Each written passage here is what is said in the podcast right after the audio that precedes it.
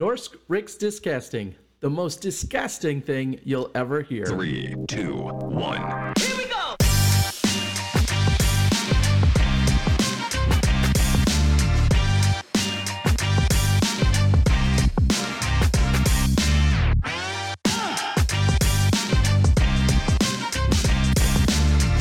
Velkommen til Norsk rikstidskasting, episode 27. Og det var litt morsomt å se ansiktsuttrykket ditt når jeg kjørte i gang vignetten her, for at eh, du har helt riktig. Det her er ikke den vanlige vignetten, Dette er vignetten brukte du vel på, på Jeg Disc Golf Valley, husker du det? ja, jeg husker jo det, men, men det var bare litt sånn over Uh, Jeg pleier liksom å opp, pumpe meg sjøl opp i, i vignetten vår, Ja. og så bare satte på noe helt annet. ja, og mest for å se ansiktsuttrykket ditt. Det var verdt det. Ja, ok. Eh, ja, Liv her. Uh, Sigrid der. Hei, hei. Går det bra? Uh, ja. Ja, du kan egentlig ikke svare noe annet. Jeg, må, jeg måtte bare tenke meg litt om. Det er viktig å være ærlig. Vi har snakka litt om at vi har prata mye Vi prater fort vi prater oss fort bort i introer med sånn tørrprat som egentlig ikke er så interessant, så nå har vi bestemt oss for at vi skal si én positiv ting om den siste uka. Og du kan få begynne. Ja, eh, jeg ble satt, det er sånne på, Jeg vet ikke hva som går av deg i dag, men det er sånne påfunn du kommer med, så jeg ble tatt litt på senga. Men eh, det, det skjer jo ikke så mye i mitt liv, og det har helt sikkert eh, skjedd, eh, skjedd masse bra. Men jeg har eh, gått eh, glipp av damesamlinga. Men jeg fikk lov til å være med på 80-årsdag, og det er kanskje ikke sånn dritspennende. Og det, jeg er ikke så veldig glad i eh, Familien din? Famil eh, sånn familiesamlinger syns ikke jeg er så gøy. Det kan være drøyt. Ja, det er litt drøyt, men så er det jo litt fint òg. Altså, det å liksom ja, det er, er en dame på 80 år som har masse folk som digger henne, liksom. Det, det er jo en fin ting, i hvert fall. Om ikke jeg klarer å sette pris på det. Jeg hater alltid sånne familiegreier i Ja. forkant. jeg Og prøver å finne alle mulige sånne tynne årsaker til å ikke Ja, dukke opp. Men når jeg først i- er der, og så bare Faen, det søskenbarnet mitt, han er jo egentlig ganske ålreit. Ja, og så sitter jeg Og så møtte jeg faktisk ei dame der som er i familie med meg, da, åpenbart. Så kjenner eh, eh, din kone. Aha. Mhm, mhm. Verden er liten. Mm, så det, du ble jo selvfølgelig nevnt der òg. Ja, ja. Jeg har høy stemning blant 80-åringene her. Eh, nei, men det var fint. Uh, jeg kan ta min. Uh, det skjedde i dag. har det skjedd noe hyggelig den siste uka? Eh, ja, det skjer jo masse hyggelig hver dag, egentlig. Man har jo barn, så da er det jo hyggelig. Men, Politisk korrekt. ja, men i dag så ringte en fyr fra Oslo. Han heter for Morten. Jeg husker ikke etternavnet, men hei, Morten. Du hører Hei, Morten, at, ja, vi kommer dit. Men han ringte fordi at han hadde fått med seg at vi driver med putteliga oppe i Trondheim.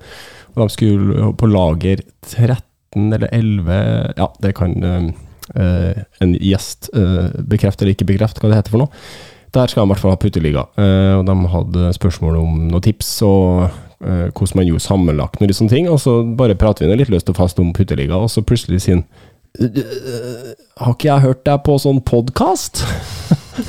og så jo. Han visste ikke at det var deg. han visste ikke at det var meg, Oh, men han kjente meg igjen på stemmen. Og det kjente jeg var Det ble litt litt sånn stas. at jeg, hadde, at jeg har en stemme, hvis du skjønner.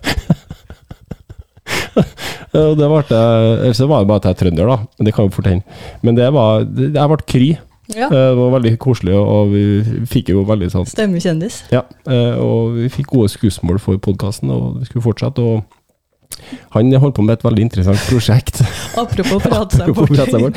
Men veldig, eh, han, han hadde lyst til å finne ut hvem var de første som begynte med frisbeegolf i Norge. Her tror jeg også at vi kan uh... Og det kan vi kanskje hjelpe ham med. Ja, Ja, Vi har noen uh, spennende gjester i dag som kanskje kan hvert fall hjelpe oss på vei til å finne ut av det. men han var nede i 70-tallet uh, Mm. og skulle lete opp noen folk, og, og for han skulle skrive noe.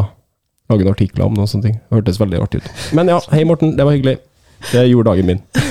Og uka, ikke minst. Du Eh, trykker på den der, nei, den der eh, endre-saken din. Ja. Og det var det.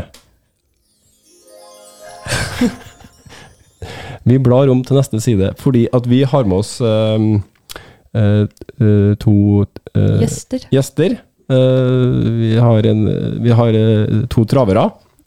En ung, en ung og en gammel, hvis det er lov å si. Vi kan begynne med den unge. Eh, Det er da, mine damer og herrer, intet mindre enn vinneren av Kysthår på Sukkervann i herrens år 2015. Eh, Velkommen, Ola Valle Stakkeland. Takk, takk, takk. Deilig å være tilbake igjen. Ja, ja, ja, vi har savna deg. Det er nydelig selskap. Hei, Ola. Hei sann, hei sann. Men vi må Ja, 2015, ja. Det Ja. var vel sist gang vi hadde noe å skryte av. Men sånn går nå dagene. Sånn går nå dagene, ja. Men da, det, Ja, ja.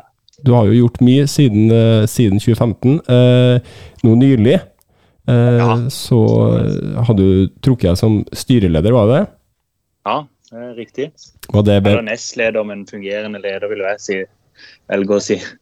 var det vemodig? Ja. Var det et lett valg? Hvorfor gjorde du det valget? Eh, ja, nei, altså det, det, det var veldig vemodig. Det, eh, det har tatt noen år for å si det sånn, for å ta det valget. Eh, Nå er vi på tiende året, og da følte jeg at eh, nå var tida moden for å slippe andre til. Og kanskje jeg følte at eh, man hadde nådd de målene som kanskje var satt, utenom at jeg hadde satt et mål om VM i 2025 med, på 54 hull. Det tror jeg ikke vi når, så da tenkte jeg at det, da er det greit å hoppe av. Men du, du, du var med og stifta Sukkervann frisbeeklubb? Ja, det stemmer det. Første året som jeg spilte, starta å spille, i 2012, så starta vi klubben eh, Ja, jeg starta sommeren 2012 å spille, og så starta vi klubben i, rundt om jula. Jula i 2012. Mm. Det gikk, det gikk fort til vi landa der, men det var egentlig for vi hadde lyst til å bygge en, en egen bane. Og da fant vi ut at det var enkleste måte å stifte en egen klubb og gjøre det, gjøre det som et eget prosjekt.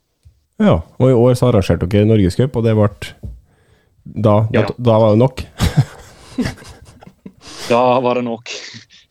Nå arrangerte jeg Norgescup i år på, på Sukkervann, og i fjor så arrangerte jeg vel på Eidehavn.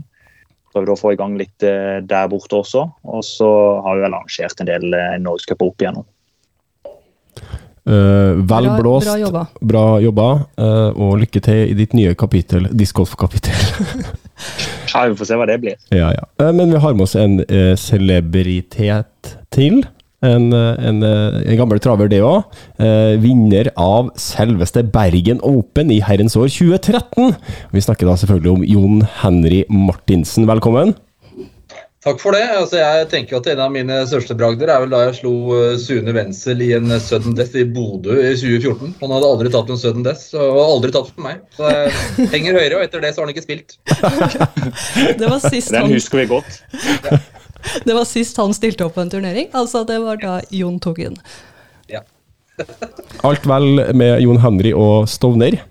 ja da, her er det eh, som bare plomma i egget, er det noe som heter det. Det er veldig fint her, altså. Jeg er på jobb nå, og det kryr av eh, ungdom. eh, ikke her inne på kontoret i Syden, men uh, utafor. så det, er bra. Ja, for hvor du jobber du nå? Eh, Jeg jobber eh, på et eh, stort ungdomssenter sentralt rett ved Stovner senter. Forebyggende ungdomsarbeid. Gjort det i straks 30 år. Får du lurt inn noe discgolf der òg, eller? Ja, Kort svar. Svaret er ja. Svaret, svaret er ja. ja. svaret er Ja, Ja, men Så hyggelig å ha dere med. Jeg føler at det er vanskelig å si ung og gammel. Altså, de er jo, det er jo lov å si at Jon er en gammel traver. Eh, du blir ikke fornærma for det, Jon? Nei, det, Nei, men, det er jo, får ikke. ja, ja, men han er jo ikke gammel. Gammel. Jo, han er det. Nei, det, Det er det er alle. Og, er og Ola, Ola Stakland er Han er jo ikke ung. Nei, men han er Hvis du, Er hvis du ser det i, er siden, eneste som spiller open. hvis du ser det ved siden av Jon, da, for eksempel, Ja, så kan vi jo si en litt yngre traver, i hvert ja, fall. en, en eldre og en yngre traver. Ja, greit. Ja. Jeg er Eh, litt, jeg er litt tyngre traver. Eh, yes. Men vi, eh, vi, skal ta, vi skal hake med i hele sendinga, for vi har egentlig bare en bråte med uh, morsomme lyttespørsmål som uh, lytterne våre har sendt inn. Det setter vi veldig stor pris på. Vi synes det er Selvfølgelig synes vi det er morsomt å sette agendaen sjøl, men det er enda artigere å få spørsmål som man kanskje ikke er helt forberedt på. Eh, men før det så skal vi i lag gå gjennom, for det har vært ei klubbledersamling nå i forrige helg. Ja. Altså ikke helga som var, men helga før der. Den forrige helga. Ja. Ja. Eh, det var eh, i Oslo. ja. Eh, det, Så var den langt, så er det første, bra. ja, det var den første klubbledersamlinga eh, på en måte etter korona. Vi har jo hatt ei klubb, digital klubbledersamling. Eh, man kan jo diskutere om hvor bra det gikk. Eh, altså ikke av utfall, men det er ikke det samme eh, som å møtes eh, klubber fra hele landet, diskutere, ta en kopp kaffe, ta en øl eh, og, og dele kompetanseoverføring og alt det der.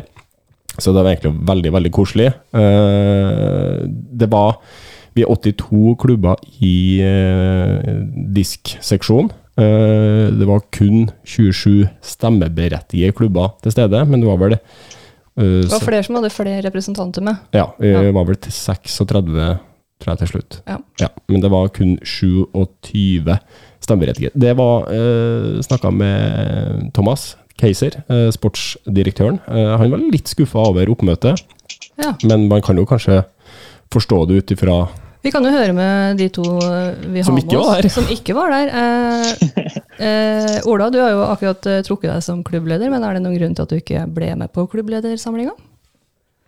Eh, ja, egentlig. Eh, Jeg har jo vært med før, eh, og det var veldig hyggelig. Men jeg følte jo at eh, ja, jeg syns vi brukte mye tid på eh, Jeg syns det kom lite ut av det som vi brukte veldig mye tid på.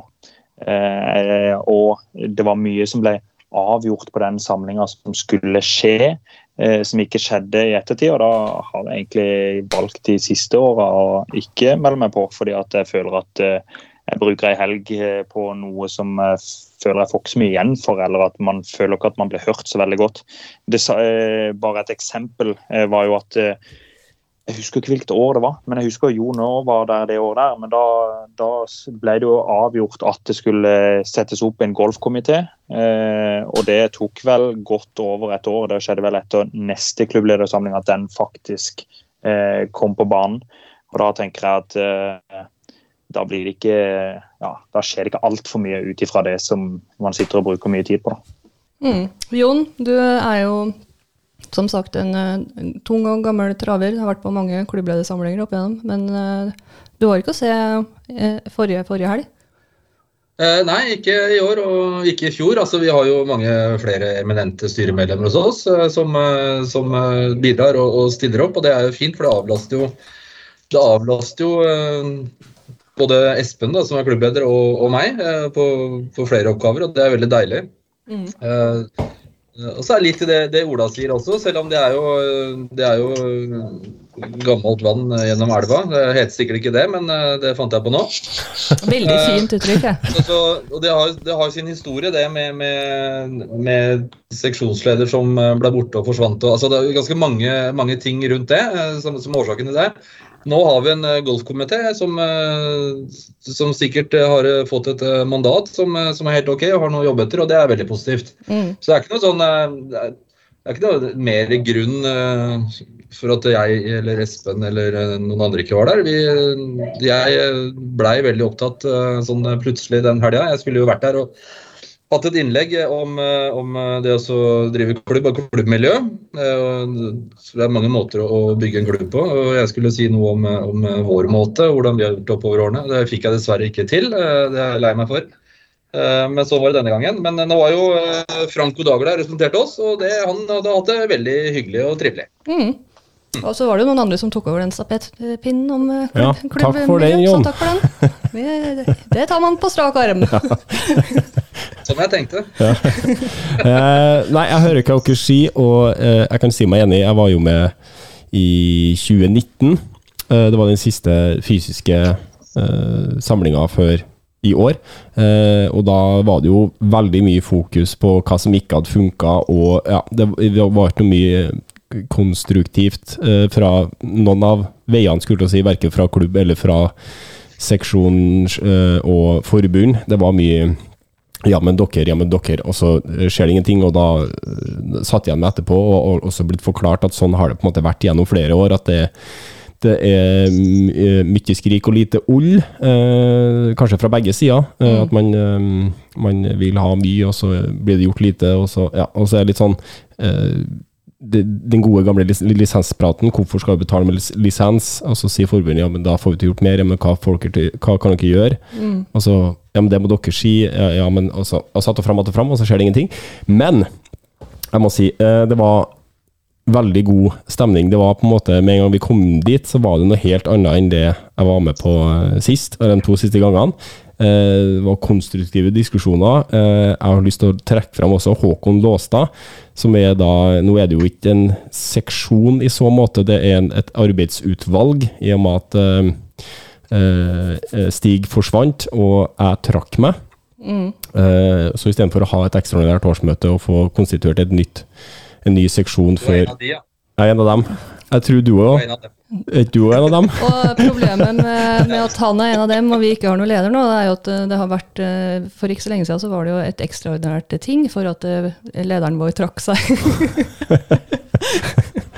Men jeg skulle si da var at det er en arbeids, et arbeidsutvalg istedenfor seksjon, da, som fungerer som en seksjon på tre stykker, annet Håkon Låstad, eh, som leda mm, klubbledersamlinga. Jeg syns han var veldig flink, eh, og veldig mm, Han er jo en ultimate-gutt, men allikevel også Veldig mye av klubbledersamlinga handler eh, nødvendigvis om eh, discgolf, fordi at eh, de fleste klubbene er discgolfklubber, rene discgolfklubber, og så er det noen rene ultimate-klubber, og så er det noen som har begge deler.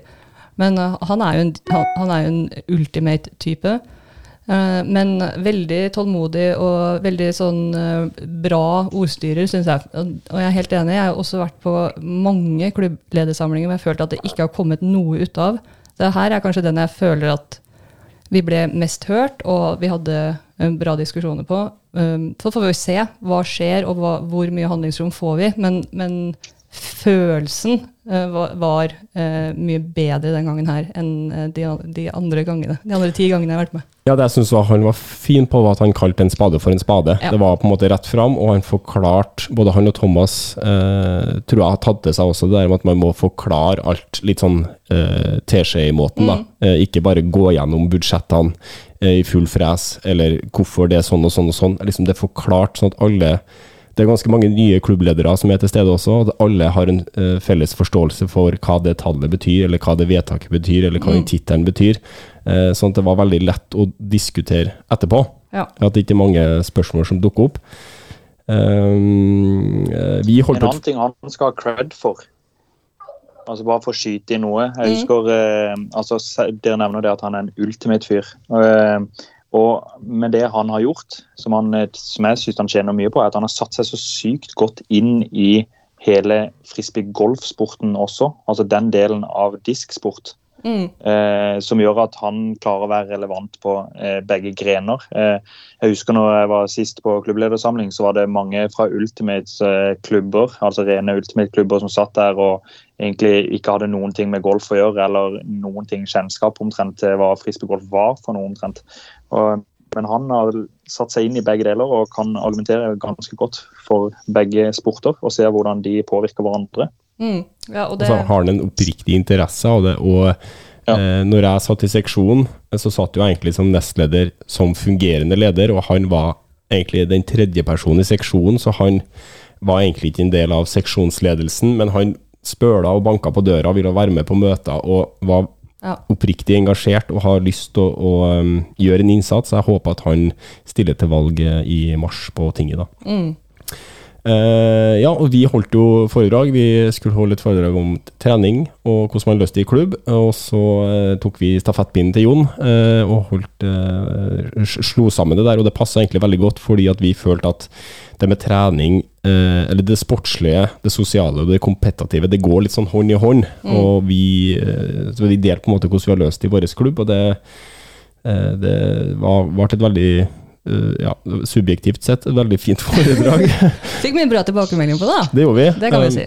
Uh, og det, det det førte, var jo at i gruppeoppgavene uh, i etterkant, uh, så ble det faktisk ganske mye prat eh, rundt bordet om at folk sleit i styrene. Man følte seg alene, eh, eller at man sleit med å få folk til å dukke opp på dugnad. og eh, det ble litt sånn sårt for mange, eh, i hvert fall i gruppa mi, følte jeg at man eh, man liksom, hva, hva, hva, har du noen tips? Hvordan kan jeg få så jeg slipper å sitte alene med det? Eh, og der tror jeg at forbundet må, eh, må eh, ja, se på noe man kan eh, bistå styrene med. Eh, men i tillegg så fikk vi opp eh, ei ny Facebook-gruppe som heter for eh, klubbledere i Knife Ja. discgolf, eh, som kan være en fin sånn eh, møteplass. Det har vi også snakka om i 2019, at vi skulle få opp, husker jeg. Og den kom opp nå. Um, Det har vært noen Teams-greier, men det har ikke blitt brukt. Og da, folk er, sitter jo på Facebook og tramper på tastaturet sitt, og da Mm. tenker jeg at da er det like greit å eh, Når man møtes sånn, så er det tydelig at man eh, er både interessert i å dele, men også å bli delt til. Og, og man kan lære mye av hverandre. Både store og små klubber og på kryss av hva man driver med, nesten. Men, eh, men det har liksom ikke vært noen sånn naturlig plattform, og det føler jeg at hvis vi gidder og det, det å samles litt rundt det her tinget du nevner, som er tinget i Knife, det er jo um, vi, vi er 82-86 disk-sportklubber, så vi er jo absolutt den idretten i Knife som har flest stemmer. Så hvis det er noe vi har lyst til å endre på, så kan man på en måte samkjøre seg litt på en sånn type gruppe, da, og bare dukke opp alle sammen og si Jeg mener jo, sånn som jeg snakka litt med Ingar, min bror, og jeg mener jo at det, er det her med at vi ikke vi klarer At, vi, at eh, loven i NAIF er sånn at ikke vi kan fikse oss en leder når lederen vår forsvinner. Det må vi jo få fiksa opp i. Altså det, det, det burde jo ikke behøve å være en NAIF-ting for at vi skal ha en leder i seksjon disport.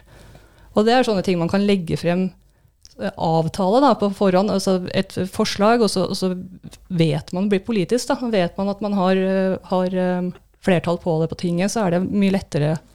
Og da tenker jeg kanskje at vi føler at vi har litt å si igjen, da, hvis vi klarer å samle oss litt. Eh, og så la discgolfkomiteen Jeg må også trekke fram discgolfkomiteen, som har jobba veldig bra, Mm. syns jeg. Uh, de, det er noen utskiftninger som skjedde på klubbdøresamlinga, men jeg syns de har jobbet uh, en formidabel innsats, eh, både for å få nye kriterier til årets sesong, men også de har skrudd til kriteriene for kommende sesong. Eh, det, det er ikke noe eh, revolusjonerende som kom der, bare tighta det litt opp. Uh, for å rydde opp litt i noen sånn faser og litt sånne ting. Eh, også økt påmeldingsavgifta fra 750 til 800 eh, for voksne, og for juniorer så har det gått fra 350 til 375, tror jeg. Eh, det var også drodla litt rundt det der med å prøve å få til en, eh, en forbundsdreven TD. Altså at eh, forbundet får til å honorere en TD som tar seg av alt for- og etterarbeid i forbindelse med gjennomføring av Norgescup og NM. og At klubbene på en måte mer blir en vertsklubb eh, som tilrettelegger for at forbundet kommer og arrangerer. da. Eh, så det blir morsomt å se. Eh, for det var et premiss der at hvis det skulle gå til, så skulle det da mm, skje noe med eh, de regionale turene og lisens. Eh, Og det ble det også lagt frem. det ble også lagt frem, men jeg tenkte vi skulle ta det til slutt. Eh, og så har man også sett på en, en modell hvor at de regionale turene kan søke om å eh, få da en sånn uh, forbundsgodkjennelse. Eh, og da må alle spillerne som deltar på den regionale touren, løse lisens. Men da får hver tour også wildcards for det kommende året sin norgescup. Uh, sånn at hvis vinneren i Fint at du sitter og peker på folk. Sånn her. Vanskelig å forklare det her. Eh, det som skjedde, skjedd, var jo at vi dessverre ikke fikk tida til å ta en avgjørelse på det. Men det har jo forbundet på en måte mandat å gjøre, da. Men, eh, men eh, at man kan dele ut wildcards til de regionale turene. Og det er nok et grep man gjør for å få inn litt mer lisens, sånn at man kan da få til den stillinga til å ha en forbundsdreven TD til forbundet, da. Nei, til Norgescup. Og apropos lisens, så har du sikkert et lite ras der òg. Ja da, der har vi det. Fordi at uh, på tampen av uh, klubbledersamlingene så er det alltid et årsmøte hvor vi skal vedta klubblisens, spillelisens og litt sånne ting. Uh, og der, eh, faktisk, etter å ha diskutert i 100 år det her med lisens, så ble det vedtatt av 1.6.2022 så kommer det en ny lisens. Den kalles for en grunnlisens på 100 kroner. Og den må alle som er medlem av en klubb betale.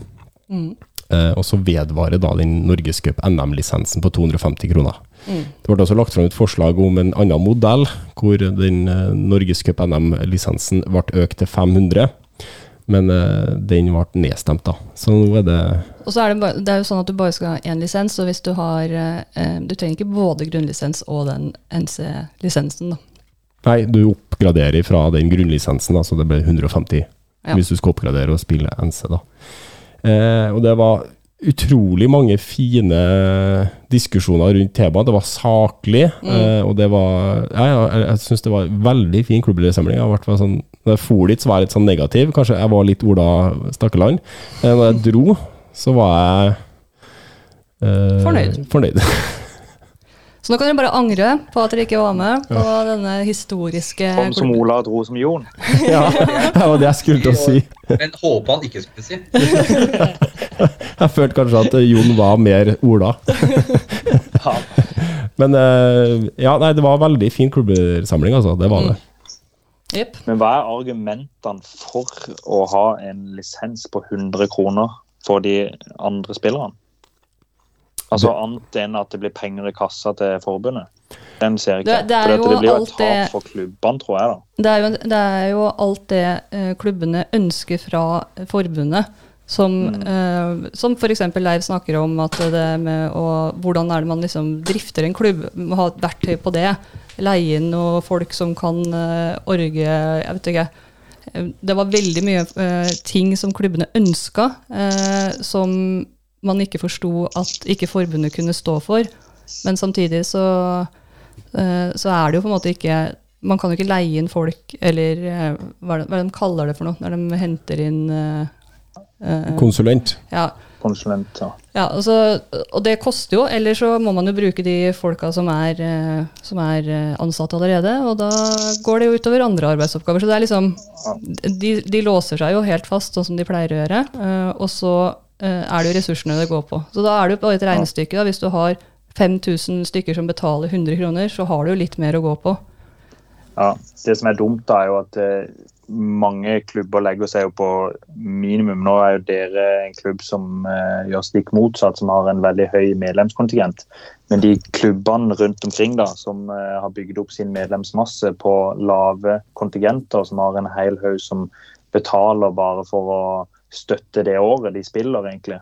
Mm. De mister man jo. Så det vil jo være en tapt inntekt for klubber Ja, kanskje, ja, kanskje i starten så tror jeg det. uh, men, men jeg tenker også at det, uh, det viser seg at det der har blitt sagt i mange, mange år. Men, men det viser seg jo at hvis man skrur opp fra 100 til 350, så mister man ikke så veldig mange. Det er ganske mange klubber som har gjort det, og enda så fortsetter jo eh, medlemstallene å øke. Og det var mange som var bekymra for det der òg. Det var mye, Det fi, ja, det var mye Ja, fine diskusjoner rundt det. det var jo, for mange så er det jo veldig sårt. De med en nyetablert klubb, nyoppstarta, har lav kontingent. Eh, men det er jo ikke sånn at eh, den, 100, den grunnlisensen må bakes inn i i klubbkontingenten. Eh, kontingenten. Eh, men det, det forenkler jo hele prosessen hvis man gjør det. Ja. Eh, Men da må de vel betale den sjøl uansett, så Ja, ja. er det jo like langt å gjøre. Ja, det er jo på en måte spilleren Ja. som må ta det uansett. Men jeg, jeg tenker at Synes man også man skal sette det litt i perspektiv. da, Hvor mange disker kjøper ikke en ny spiller? og Det der koster en halv disk. da,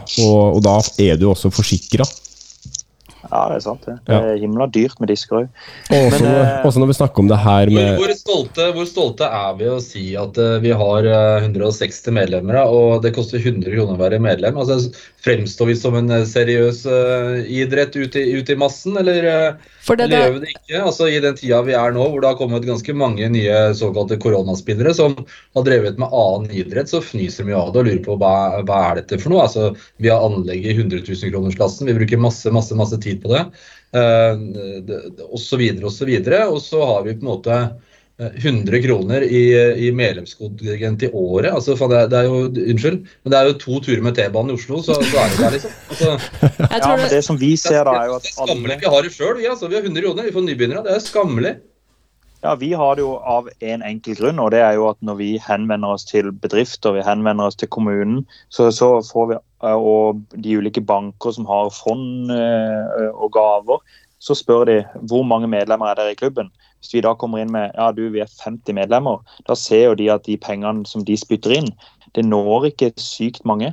Men hvis vi kan si at ja, vi har eh, 290 medlemmer, og eh, 30 av de her er juniorer som er under 18, da er jo det plutselig mye større altså Da skal det mye mindre til for at de faktisk ser at dette her er et prosjekt vi skal satse på.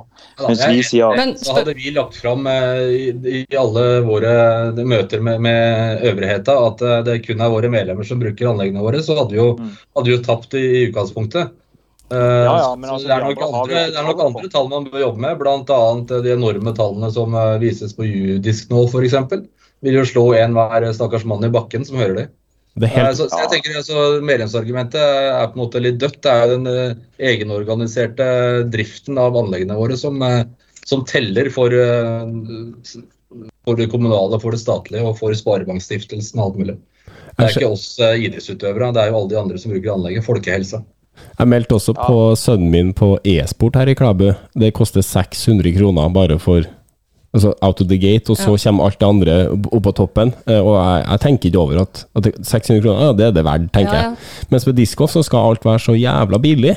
Eh, Ja, samtidig så skal vi eh, eh, ikke og så, og så er det veldig mye klaging på at folk ikke engasjerer seg. Altså Man er medlem, men man, man ikke altså, Og det vi har sett, da, nå skal jeg ta på meg litt sånn en annen hatt her, eh, som klubbleder i en klubb som krever ganske mye penger fra medlemmene. Takk. Eh, ja, men også så ser vi at vi har jo mye mer engasjert medlemsmasse enn de som bare tar 100 kroner. For man glemmer jo at man er medlem et sted. Men hvis du, hvis du velger å være medlem og betale litt mer, så tror jeg kanskje at det, du krever litt mer tilbake, og du engasjerer deg litt mer i hva som skjer, og hva, hva du får ut av de penga der.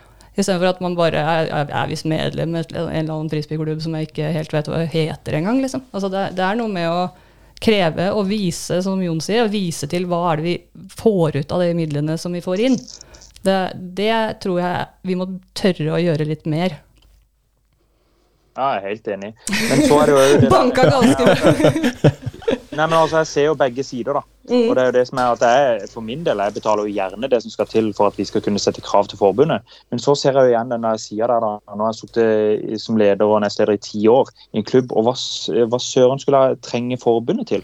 Altså Noe som vi hører alltid, og dere jo har jo snakka om i podkast tidligere. Ja, forbundet burde gjort det, og forbundet burde gjort datt. Og, og så ser du inn på diskusjonsforumene. Ja, er ikke dette her en sak for forbundet? Er ikke dette en sak for forbundet? Alle sitter bare og klager på at forbundet ikke eksisterer og er egentlig sånn. Men som en etablert klubb så er man jo ikke avhengig av forbundet til nesten noe som helst, annet enn nå er det jo de som kjører Norgescup og de tinga der. Så det er jo egentlig de tinga som, altså, som er de sin Ja, eller så kan man snu det litt på det og si at det, det det, vi det, men til Man kan snu litt på det og si at det, at det er et uh, potensial i det forbundet som ikke blir brukt. Da. Altså, det kunne på en måte uh, fyra opp flere til å trene mer, til å gå mer pro, eller um, Støtte EM-landslaget mer, Ja, flere juniorsamlinger, flere damesamlinger, flere prosamlinger? Ja. Vi har, trenersamlinger. eh, vi har veldig brukt for uh, forbundet, vi, Uh, i eh, saker som vi sliter med. F.eks. En, en rekrutteringsplan. Uh, En rekrutteringsplan som eh, også kan brukes til å rekruttere så det gjenspeiler befolkninga vi, vi bor i eh, her på Stovner. Eh, Så medlemsmassen vår er jo eh, en veldig, en veldig etnisk norsk medlemsmasse. Menn eh, 35 pluss, eh, kanskje nå nede i 20 pluss. Eh, En rekrutteringsplan for, eh, for eh, å rekruttere yngre medlemmer i, eh, i hele samfunnslaget. Eh, En rekrutteringsplan eh, for å ivareta de vi allerede har. eh, Om det kan kalles en rekrutteringsplan, er en annen sak. Eh, En, en, en sportslig plan, så, så, som en klubb som har vokst mye, får hjelp til disse tingene her, eh, har vi, vi, har, vi trenger hjelp til det, og syns det er vanskelig å søke den, eh, den hjelpa av forbundet. Vi har snakka litt med noen andre klubber om det. Uh, fått til å snikkikke litt i noen eh, offentlige dokumenter, både hos Nidaros og Stekeberg og litt forskjellig. Så, men, men noen faste planer, noen faste verk som, som ligger ute. Det ligger mye der ute som folk etterspør også, massevis. Men det er Skulle ønske vi nesten kunne hatt en blåkopi av og jobba ut ifra det, istedenfor å finne på ting på nytt. Vær så god, studio. Ja, og det ble nevnt veldig mye. Ikke bare rekruttering, men veldig mye sånn rundt, jobber rundt um, eh, mot kommune. Når du skal bygge en bane, hva er det liksom Ja, det si. Hva er det du skal passe deg for? Er skal, hvor er det du kan få støtte? Hvem er det som kan støtte deg? Hvem er det som veit at uh, jeg skal sitte i Trondheim og snakke med, med idrettskretsen her, og så skal du sitte i, i Oslo og snakke med idrettskretsen der, og så er det noen i Tromsø som ikke har en klubb engang, som bare de spytter i fem millioner på en discgolfbane fordi at de har funnet ut at det er noe bra for folkehelsa. Og så, og så har ikke vi de tallene som argumenter til vår kommune igjen. Og, det, og det, få samla alt det her til Også det vi skal diskutere senere, det der med å få til en standard som det går an å forholde seg til. Ja, men svar på det. Dere diskuterte jo det sist med tanke på å arrangere konkurranser og sånn. Og Det er jo kanskje den eneste malen som faktisk ligger ute på forbundet sine sider. Den er faktisk sykt bra. Mm. Eh, Det Ja, er så har du jo malen og sjekkliste og hvordan man skal jobbe med det. Eh, den ligger jo der. Uh, Ja.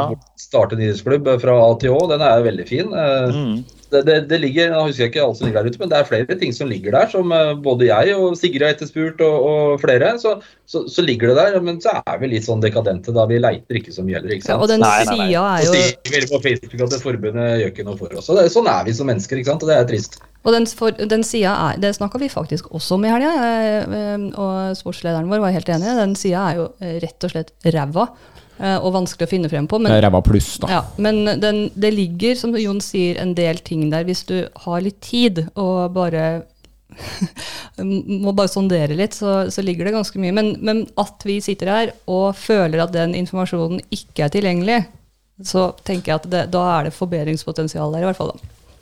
Og det har forbedra seg veldig mye opp gjennom åra òg, den der sida der. For det, tidligere så var det jo ja, Da fantes det jo ingenting. Da var det jo frisbeegolf.no du gikk inn på omtrent. ja, ikke sant? Men nå er det jo altså man kan, Jeg føler, føler etter den klubbledersamlinga her at man, nå, kan man, eh, nå kan man kanskje ha litt mer sånn påvirkning. Og hvis vi nå henter inn litt, eh, litt mer midler i lisensen, da, så kan vi også ha litt mer slagkraft på hva vi krever. Og hvordan man skal løse det. For det er jo veldig mye gode ideer rundt om i klubbene. Ikke bare de eh, gamle traverne som jeg tenker at vi eh, er etter hvert. Men også de nye som, som har kommet inn med den koronabølgen, som ser, eh, ser ting litt annerledes og har litt andre behov. Da. Det tror jeg eh, Ja. Om det ikke funker, så kan man jo bare endre på det igjen. Ja, det er veldig morsomt å følge alle nye klubber. Eh, ikke alle, vil jeg merke, men eh, i hvert fall eh, de jeg- prøver å se litt på og, kikke litt på. Og, kanskje sammenligne oss litt med også. Det er kult å se at folk prøver masse nye ting. Prøver ting som har vært prøvd før og får det til. Prøver ting som har vært prøvd før og ikke får det til. Altså, jeg jeg syns det er kult å se, eh, og det gir også oss inspirasjon til å, til å stå på litt eh, videre i, i vårt arbeid. Akkurat nå føler vi oss ganske nye når medlemsmassen har vokst sånn ja, har. Det kan vi kjenne oss inn i nå. Men alt i alt, eh, en kjempefin eh, klubbledersamling. Eh, og ja, det, som sagt, jeg dro derfra med godt mot. Og um, jeg, jeg kjenner jeg gleder meg enda mer til sesongen 2022. Ja, og hvis du ikke er eh, medlem i den Facebook-sida og driver en klubb, så, så be om å få lov til å bli medlem, for vi vil ha deg med der. Ja, det er klubbledere, Knife, Discolt Knife, et eller annet sånt. Ja. Ja. Det som er like spennende, er jo egentlig om det faktisk eh, Nå ødela du overgangen min da. Ja, jeg vet det. Men greit, du skal få siste ordet. Få høre.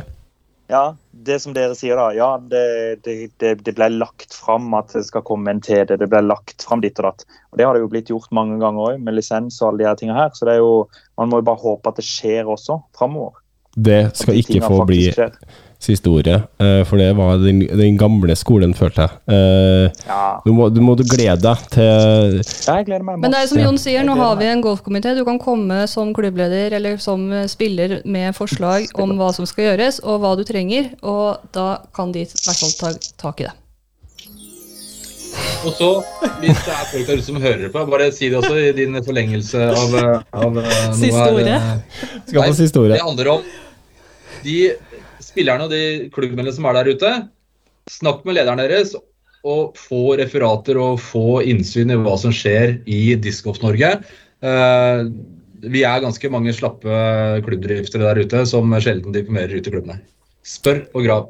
Ja, det nå, nå må jeg faktisk være på den, for det, var akkurat det vi prata om også, at, at eh, for å I hvert fall vi som klubb har føler vi har tjent mye på å være veldig åpen rundt eh, styremøter og sånne ting. Lagt ut referater. Eh, vi har åpna opp sånn at alle har eh, Møterett. møterett eh, til å komme og eh, i hvert fall eh, bivåne eh, styremøtene våre. Eh, og, og har påvirkningskraft og, og vært tydelig på at vi skal være medlemsdreven og ikke styredreven. da. Eh, Så jeg tror du er helt innpå noe der, og, og hvis du føler deg alene i et styre, så har du kanskje eh, ikke gi opp jobben din. Ja, og det er drøyt å si, men jeg har sagt det til deg mange ganger, at eh, da har vi et ledelsesproblem. Ja. Og, det, og det er jo det som er greia, men når, ingen, når du føler at ingen gjør noe, og du må gjøre alt, så er det litt vanskelig å klappe folk på ryggen for at de gjør noe. så ja, det, det mm, vi, vi avslutter der. Ja, fjerde gangen. Ja, da skal vi over i eh, det største og siste segmentet for denne sendinga. Det er da lyttespørsmål. Vi har en hel bråte, så vi bare hopper rett i det. Eh, Det her førsten er Det syns jeg var veldig fint. Eh, Marius Kollen Andersen. Han skriver at han ser ikke produsentene i butikkene nytten av å ha breddespillere i stallen. Dette gjelder da altså spons. Kunne det hatt noe for seg å ha ambassadører på samme nivå som 89% av kundegruppen sin? Jeg vet ikke om det tallet er regna ut, eller bare Ja, fortsett med spørsmålet. Du. Ja, det skal jeg gjøre. Personer som er bidragsytere i klubbene eller regioner, aktive på sosiale medier, men som ikke nødvendigvis er 950-rata, kan bli å se i store turneringer i fremtiden, kan også ha en flott markedsverdi. For en relativt fersk isgolfer eh, ser det ut til det primært er personer som hevder seg i nasjonale og internasjonale turneringer, som plukkes opp i diverse team rundt i det ganske land. Kunne det vært positivt for hvermannsen å hatt en annen hvermannsen å sammenligne seg med når det kommer til f.eks. disker og hvordan disse oppleves osv., framfor å sammenligne seg med spillere med et hel, helt andre forutsetninger for å kaste de. Og da er det jo veldig fint at vi har med tre ambassadører som er sponsa. Jeg ville, vil sagt fire, nesten. jeg sier det. Sigrid, Ja. Sigrid har en NM NM-gull fra i år, eh, Ola, så trå Ja, trå ja. varsomt. Trå Ja, varsomt. ja, Men altså, var det ikke hun som rett før sending så satt hun vel og sa at hun var ambassadør mer enn hun var spiller, omtrent. Så så Det, det kan jeg ikke kjenne meg igjen i. Og jeg, jeg vet i hvert fall at, eh, at jeg er et eh, kontraktsteg høyere opp enn deg, så eh, Men jeg har lyst til å begynne med Jon Henry, som kanskje er Jeg husker jo når jeg begynte, så visste jeg jo at Jun Henry var eh, Innova-sponsa som ambassadør. Han var utrolig flink, syns jeg, i sosiale medier og synlig i miljøet, arrangert turneringer. Eh, var ikke øverst på, på altså Han vant jo Slo jo Sune i 2014. Ja. Eh, det skal ikke, ikke Men det er kanskje det siste. ja, ja, men det er ikke så farlig. Eh, greia er Jeg har faktisk en Pargolf-NM-tittel med Franco Dager fra samme år på Gårda. Jeg skal ikke fortelle hvordan det gikk, men vi vant. Men altså, ja, så, så 2014 var liksom glansåret ditt? Det var glansen. eh, Da la han opp. Jeg var i master, tror jeg. Men, men eh, jeg, jeg, jeg vet ikke om jeg er enig i, i, i premisset han legger fram her. At, for jeg syns jo at vi har ganske mange ambassadører i sporten. eh, og eh, ja, hvis du ser på det altså, Eric Oakley, Dynamic Disc, han, han ga seg nå. Og Dynamic Disc har fått litt pass for at de ikke har noen toppspillere, men jeg syns jo at de er en av de beste på på sosiale medier, på deling av teknikk, lage masse innhold, content, masse spillere med feel good-stemning. Eh, og, og Jon Henry, jeg, jeg syns jo eh, du er jo en veldig god ambassadør, ikke bare for Innova, men også for sporten. Eh, sånn at ja, Jeg vet ikke om jeg er enig i premisset, da. Ja. Takk for det. Hyggelig å høre. Det, altså, når jeg fikk en telefon fra Sam Ferrance eh, eh, i Innova, så, og han spurte om jeg ville være en eh, ambassadør for, for Innova, eh, så handla ikke det bare om å være en ambassadør for eh, Innova i Norge. Det handla om å være en ambassadør for discgolf eh, der hvor discgolf skjer, og det er jo ute utafor mine fire vegger i hvert fall, eh, og, og litt på sosiale medier. Eh, Så det handlet, For meg så var det en bekreftelse på at det jeg hadde gjort så langt, kanskje ble litt verdsatt og, og sett og prata om i andre foraer enn en, eh, innenfor våre vegger på Stovner, eh, på en måte. Eh, så, så det er en drivkraft ennå å få til å være sponsa. Altså, det, det, det er ikke noe penger å hente for, for min del. Det er noen sendeplater, og så er det veldig, veldig hyggelig. Og så er det en, en ydmyk ære å få lov til å får lov til å, å være en ambassadør for, uh, for Innova. Det er et merke jeg har kjent uh, veldig lenge. Det første jeg kasta med. Og, og, sånn har det blitt. Og det, det, er veldig hyggelig. Og jeg er absolutt ikke noen toppspiller. Som jeg sa til Sam når han ringte, jeg er jo den laveste rata spilleren du har i stallen din. Og sa han ja, det er du sånn. men, men, når du, men, men når det er sagt, eh, så når, når Innova velger å sponse Jon Henry eh, så Nå ser ikke lytterne det her, men Jon Henry sitter jo med en Innova-caps. Eh, eh, men han når han arrangerer Norgescup, så er jo Innova sponsor. Det er ikke sikkert det har vært Innova som har vært sponsor hvis noen annen har, har eh, arrangert eh, Norgescup, eller hva det skulle være. Eh, når han arrangerer ei, eh, det, det, det league, eh, den eh, ligaserien Stovner hadde i sommer nå, så er det jo Innova som er synlig. Det er Innova som er synlig rundt klubbhuset og sånne ting. De får jo selvfølgelig igjen for det, men også Jon Henry er jo ikke Alt han får igjen er jo ikke bare status. Innova eh, gir jo han verktøy som Latitude gir meg verktøy for at jeg kan få lov til å spre sporten der jeg er. Eh, og det er jo det jeg syns er gøy. Husker når jeg fikk forespørsel om å, om å uh, representere i uh, Latitude, så var jeg jo først jeg tenkte ok, hvordan kan jeg komme meg opp i, i, i rankstigen? Liksom, hvordan kan jeg få uh, Vise at du har vært det. ja, men så nå er jeg en helt annen plass i livet, skulle jeg si, at jeg setter utrolig stor pris på. Det er ikke noe så viktig for meg hvilket nivå jeg er på, men at jeg, de gir meg verktøyet til å kunne holde kurs og klinikker, få disker jeg kan putte i hendene på unger uansett. Det er ikke livsfarlig at det er latitude, men jeg får i hvert fall uh, grow the sport, da. Ja. Spredd sporten.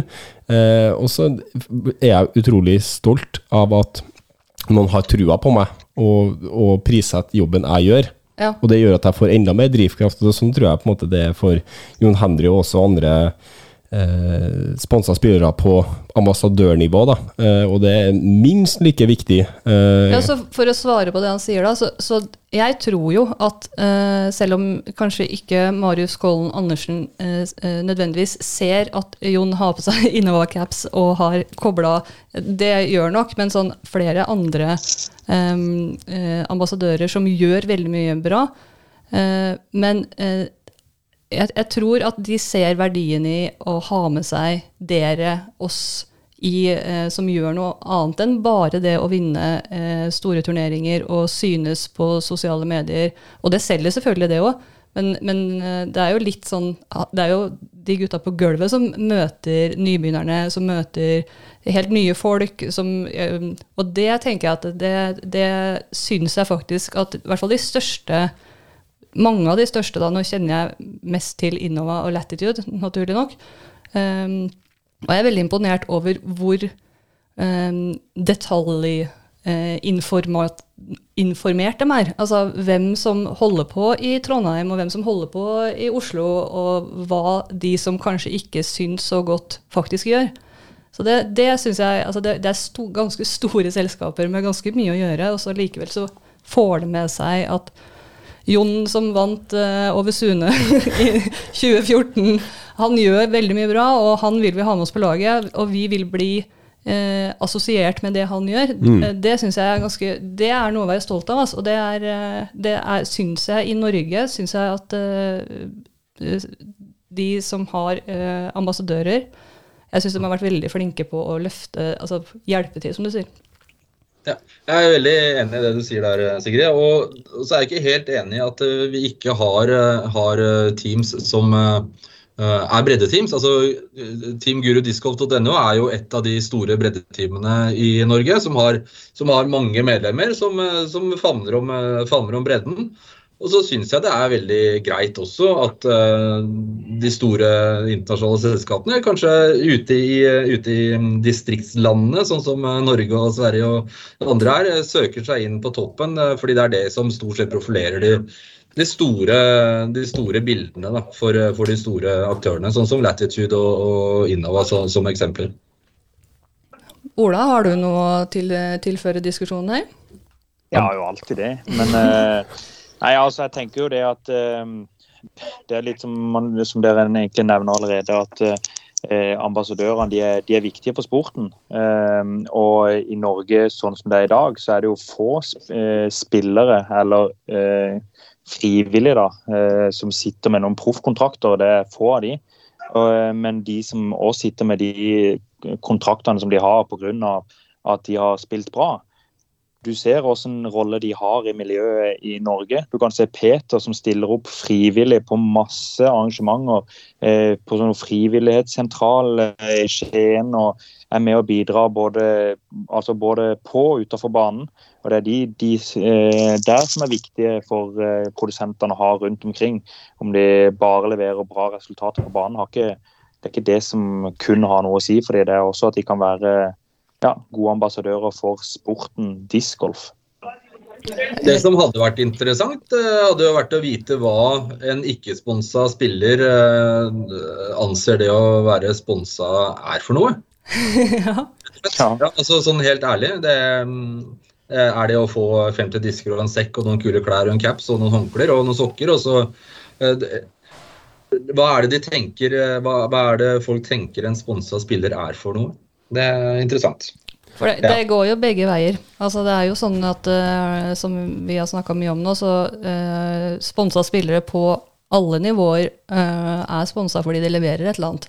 Og jeg kjenner i hvert fall på det at uh, det å ha en sponsor i ryggen kan være både støtte, men også ganske mye motivasjon i. da, eh, At man har lyst til å gjøre noe. og i hvert fall når man får de verktøyene som Leif snakker om, at man, det blir litt lettere å lage clinics når du får eh, masse disker som du kan ta med deg og dele ut. Eh, og det er litt lettere å, og at det ser litt mer proft ut når du har det teltet. og eh, ja, at man Jeg tenker at det, det har litt å si, det ansvaret man får, og det ansvaret man tar. Eh, det, det betyr litt. Ja, og så er det noe med det, det presset man kanskje ikke skal legge på spesielt yngre spillere. da. Eh, Ved å gå inn og, og være en sponsor eh, for, for, eh, for yngre spillere, altså gjerne allerede helt opp til det siste junioralder, jeg er vel 19 år. Så det å bli sponsa er jævlig gjevt. Helt klart, det er, altså det er mange som sikter etter det. Men jeg tror også det vil legge et unødvendig press på utøveren i, i ung alder. Som handler om mer enn det å prestere i discgolf. Altså jeg, jeg tror du kan stoppe opp en del av progresjonen din som, som discospiller, fordi du får andre ting å tenke på. Det er andre ting som henger over deg. Eh, Du må prestere for å kanskje følelsen av å forsvare en kontrakt eller få være med neste år, eller eh, jeg er ikke bra nok. eh, Altså, det er mange sånne små elementer i det mentale spillet. da. Ja, man syns jo mye mer, så det er jo klart det. Mm. Og det, det har jeg reagert på. I USA så sponser de jo kids ned i tiårsalderen. Altså det, det er jeg glad for at vi Ja. ikke driver med her. Det er godt, godt vi ikke er der, Ja. rett og slett. Ja. Nei, jeg må bare gjenta det jeg sa i sted. på. Det er jo eh, Når jeg ikke var sponsa, så var det jo Det å bli sponsa var et mål i seg sjøl.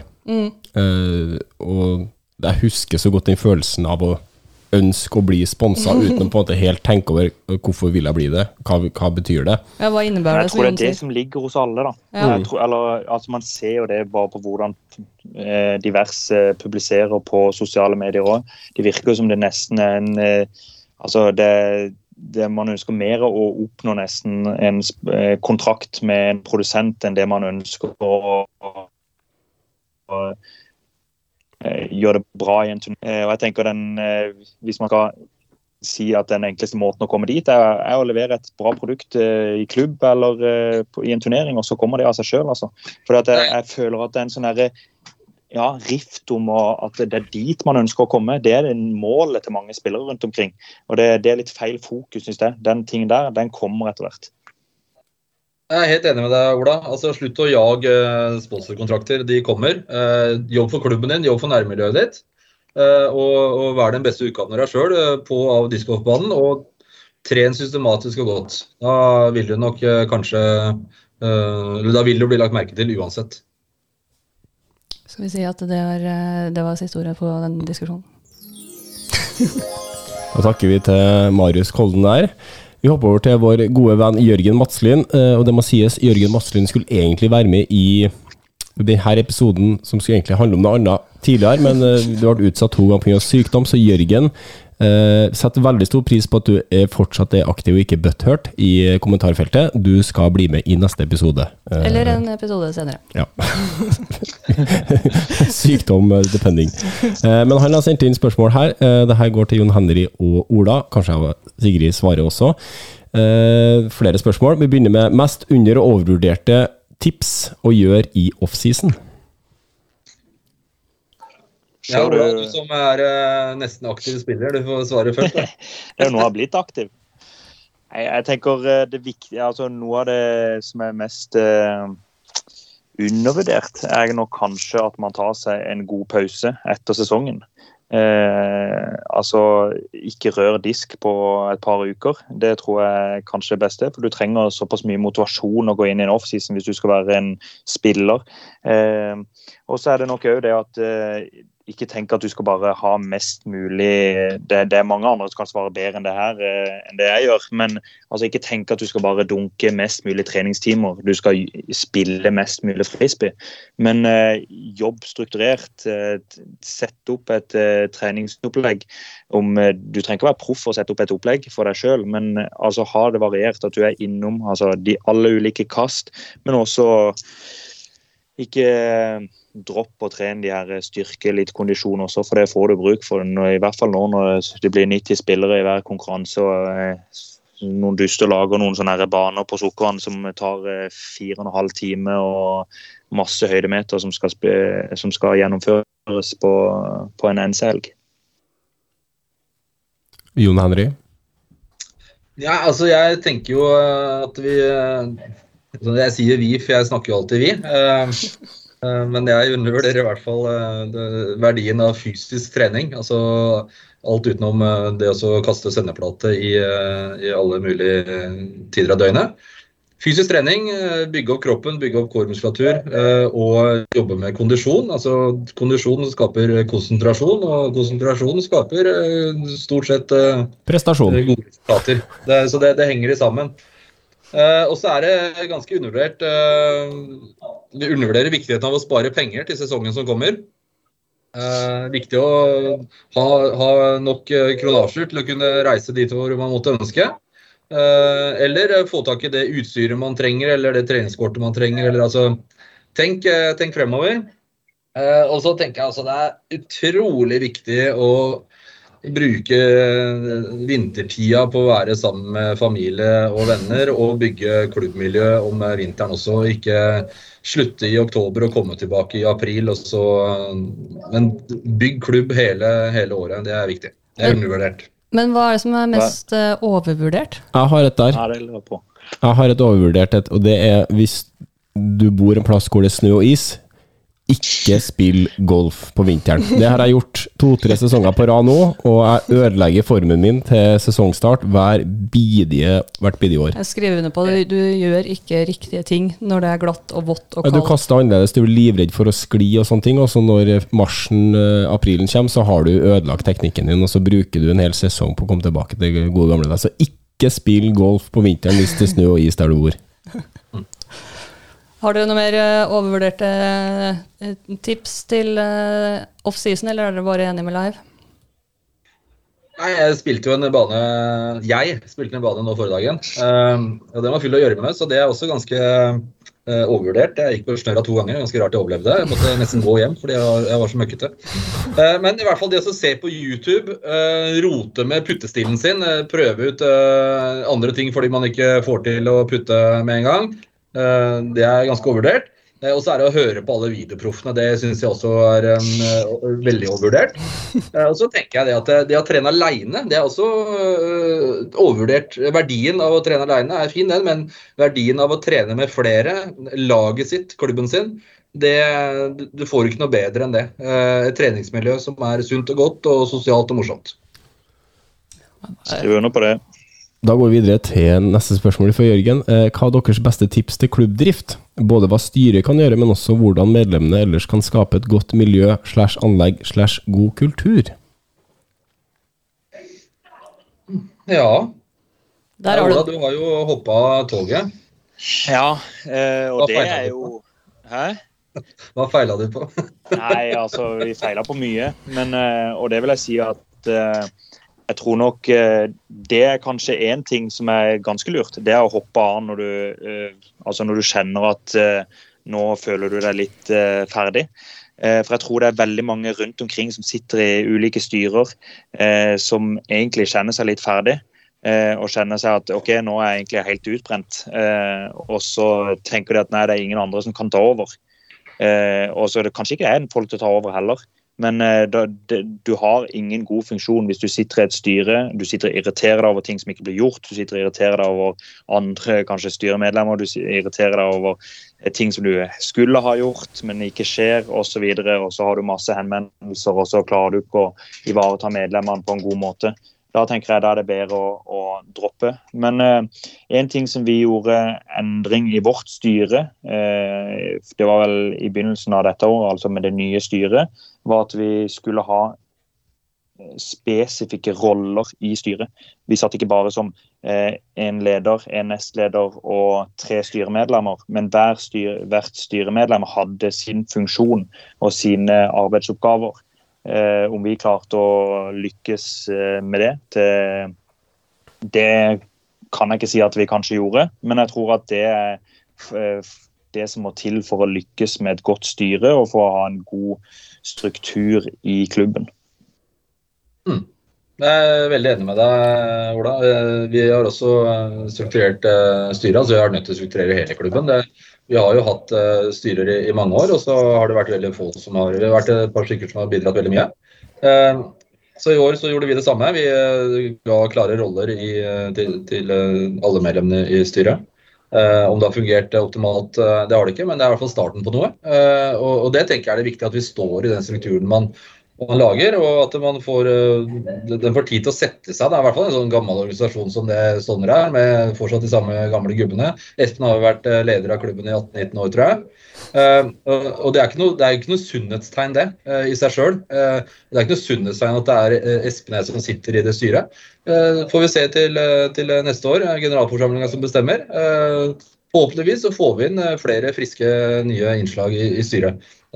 fordi når vi snakker om kluddere, så er det viktig at du har et styre som er fremoverlent og innovativt, eh, som tør å tenke nytt, tør å tenke utenfor boksen, men samtidig ivaretar historien. For historien er også viktig å ta med seg videre. Eh, eh, og jeg tror også viktig, eller det er viktig at dette innovative og fremoverlente styret også jobber sammen med klubbmedlemmene og er lydhøre og er klare. Og kan, og, og kan si dette kan vi ikke gjøre, men dette kan vi gjøre. For det, det, er, det er mange ting man ikke kan gjøre også, og sånn er det bare. Eh, så jeg, jeg, tror det er viktig med, med, med å være styre. Og når det gjelder, gjelder sånn klubben ellers, så tenke hele den individuelle idretten vi driver med. Det må ikke bli sånn at vi blir aleine. Uh, min tanke er at vi er et lag, og det laget er sterkt sammen. Uh, jeg har drevet med lagidrett i mange år ved, siden av det her. Og og ha den tanken at eh, vi er i sammen om dette her, og så får du én stjerne i klubben, så bygg opp eh, rundt den stjerna. Og han eller hun vil gi tilbake til alle medlemmene i klubben sin. Eh, det er, helt sikkert, fordi vi mennesker er født med samvittighet. Så skap et miljø og skap et lag, og støtt hverandre Sukkervann vært veldig flinke til det, spesielt på juniorsiden. Utrolig gøyalt å se. Jeg syns det er dødskult å se hva dere har fått til med juniorene deres, reisene deres, all den tida dere som voksne mennesker har lagt ned i å reise med disse unge spillerne. Helt kanon. Ja, det har tatt på egne resultater òg, det. Sånn. Men det, det, er det som må til da, eh, for å bygge opp et godt klubbmiljø. Og jeg tror òg det som du sier med at man jobber litt i samme retning, jeg tror det er utrolig viktig. Eh, nå kommer det, det popper opp klubber overalt. Dere Spesielt ser man jo det både i Oslo, Trondheim, Kristiansand eller i sør her. Eh, du ser det i andre byer, i Bergen. Der er det flere klubber. Og Da tror jeg det er viktig at man også eh, staker ut eh, altså hvilken profil ønsker vår klubb å ha. Eh, tidligere så var vi klubber som sa ja, alle kom til oss, kom til oss, og så tar vi vare på alle sammen. Men det, nå vokser sporten såpass mye at man klarer ikke å ta, ta vare på alle, absolutt alle. Det gjør man ikke. Eh, det tror jeg ikke, i hvert fall ikke nå når man ser at det er medlem medlemsmasse på 300-350 stykker. Men ta og stak ut en eh, kurs. Her i Kristiansand så har vi to klubber, og det er veldig ulik profil på de to klubbene. Sukkervann er en klubb som ønsker å eh, satse. Vi ønsker å satse på juniorer. Eh, vi ønsker å satse på de spillerne som eh, har lyst til å oppnå noe med frisbee da, av form av resultater, ønsker å reise, de tinga der. Men så har vi også et tilbud for alle andre. Men det er ikke der vi legger, altså det er ikke der hvor vi legger inn alle våre krefter. Eh, og så har du KFGK, da, som er klubben for ja, hvor alle der hvor det skal være sosialt og alle skal bare komme og spille og kose seg. Eh, og Da blir det opp til spillerne hvor, eh, ja, hva, hva, er det som er mitt mål med frisbeen. Eh, hva er det jeg ønsker å få igjen av min klubb. Og så melder du det inn der hvor du ønsker å være som ja, det som du ønsker for ditt spill. Eh, Så jeg tror det er viktig for en klubb, og så eh, setter man seg et mål der, og så jobber alle i styret eh, felles mot det. En annen ting jeg skal bare skyte inn raskt, det er bare at eh, det er ingen i styret som får betalt for den jobben de gjør. Eh, jeg har gått et par runder hvor jeg, ja, men du jobber jo i Sukkervann begge Det, det var, jo gjør noe annet i livet? Jeg skal fortelle det at vi gjør alt mulig annet i livet enn å bare styre klubb. Eh, så det er, litt, eh, det er viktig at folk engasjerer seg i klubbene sine og er med og drar, eh, drar i den retninga som de ønsker og at klubben skal, skal gå i. altså. Jeg er veldig enig med begge to, spesielt enig med Jon Henry. Uh, også, Hæ? Er du ikke enig med meg? jo, jeg er veldig enig med deg, men, men Jon Henry sa veldig mye bra. men eh, Så legge til en ting til også, og det er jo det at det, er jo alles ansvar i en klubb å skape godt miljø. Det er ikke styrets styres ansvar, det er alles ansvar. Det er som en arbeidsplass eller i, i skoleklassen din eller uh, hvor enn det måtte være. Det er alles, alles ansvar å skape godt miljø. Både i klubben og ikke minst ute på anleggene også. hvor Det er så mange nye, uh, nye spillere som ikke kjenner historien. Historiene våre må fortelles, de skal bringes videre. Det er veld, Eh, veldig og, poeng. viktig I forhold til uh, hvordan man skal oppføre seg. Det samme på, i ultimaten, altså i garderoben, ute på banen, til og fra trening. altså Vi må skape de gode miljøene, de gode møteplassene sammen. Det er, det, det er viktig. Helt enig i det òg. og så vil jeg skyte inn til slutt uh, at jeg tror det er viktig, jeg tror det er også mange som glemmer det, men det er viktig at man vet at når man sitter i et styre, så sitter ikke man der for å bestemme og, og drive fram egne subjektive meninger om ditten og datten og sånne ting, men man er valgt av medlemsmassen til å foredle eh, handlingsdokument osv. osv. Man skal handle på vegne av medlemmene sine, og ikke på vegne av egne ønsker og eh, ja, eh, ambisjoner. Da. Eh, og det jeg tror en del av klubbene på en måte har gått på den smellen at man, det er jeg som er leder, det er jeg som bestemmer. Nei, du, du har ansvaret for at styret gjør jobben sin. Og jobb, jobben til styret er å følge vedtekter og handlingsplan og, og blidgjøre medlemmene, skulle jeg si. Uh, ja. Og være åpen for det som Jon sier òg, at, at det er egentlig jobben til styret. Legge til rette for at medlemmene også kan påvirke. Og det er veldig mye bra, bra tips her, altså. Vi må bare hoppe videre, for vi har en del spørsmål. og så kommer det til slutt her da, til begge, men spesielt Jon Henry. Etter å ha sett discgolfens utvik utvikling på nært hold over lang tid, hvilke grep mener dere er viktig å ta i løpet av det hele de neste årene? Hva bør få fortsette, og hva bør endres? Ja, eh, jeg tror, det- jeg tror det er viktig å droppe den digitale drittslenginga som, eh, som foregår der ute. Det er eh, nitrist å, å se på, syns jeg sjøl, i hvert fall. Eh, altså, vi kan ikke være så tøffe bak tastaturet og så gir vi hverandre en klem når vi kommer ut på, på banen. Det er hyggelig det å klemme hverandre, men vi trenger ikke å fremstå som idioter. Uh, så det, det Ja. Uh, og så er det noe med det at eh, vi må, som jeg var litt inne på, vi må fortelle historien. Altså Historien må videreformidles og fortelles. Discgolf ble ikke funnet opp i 2020 av, eh, av en pandemi. Den ble funnet opp lenge, lenge lenge før det. Det er en lang historie i landet vårt. eh, og eh, ja, altså Du eier ikke ikke jeg heller. eh, Eier sannheten, eh, selv om du har spilt i tre måneder og sier at du kaster 150 meter. Du hiver ikke 150 meter, men det kan virke sånn. Eh, eh, og eh, ja Hva skal jeg si for noe? Det er i hvert fall viktig å ta vare på de som bidrar positivt. Det er kjempeviktig. Og det er også å oppdra de som tror de bidrar positivt. Det er viktig. altså Fortelle de at jeg ser du prøver, men kanskje du skal prøve litt sånn isteden i miljøet. Eh, og så er det å ivareta de som bidrar eh, negativt, eh, for de kan snus til å bli ganske gode ressurser. De mener ganske mye på en ganske, ofte en krass og tøff måte. Litt sånn som Ola og jeg kanskje har gjort eh, mye. Skyter fra hofta, og så menes det egentlig bare veldig godt. Uh, og det kan snus til noe positivt. Uh, ja.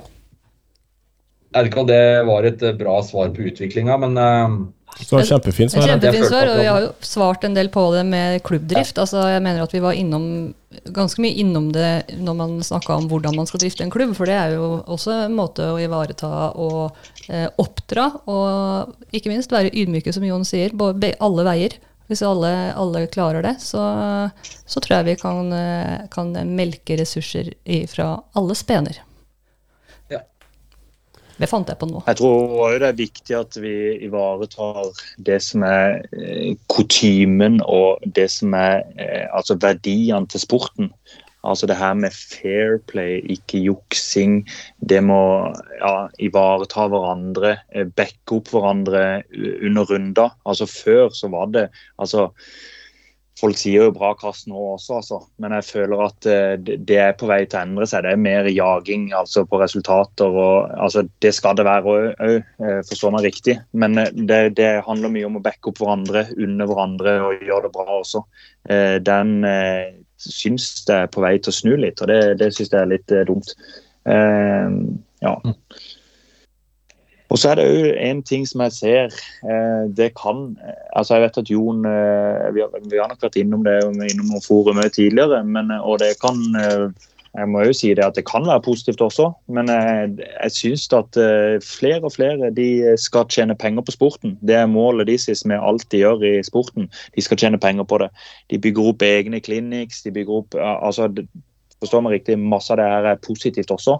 Men så tar man bort mange av de altså mange velger å gjøre det utenom klubb. Eh, og eh, Istedenfor å, å gjøre akkurat det samme arbeidet som mange andre sitter og gjør gratis på dugnad i en klubb.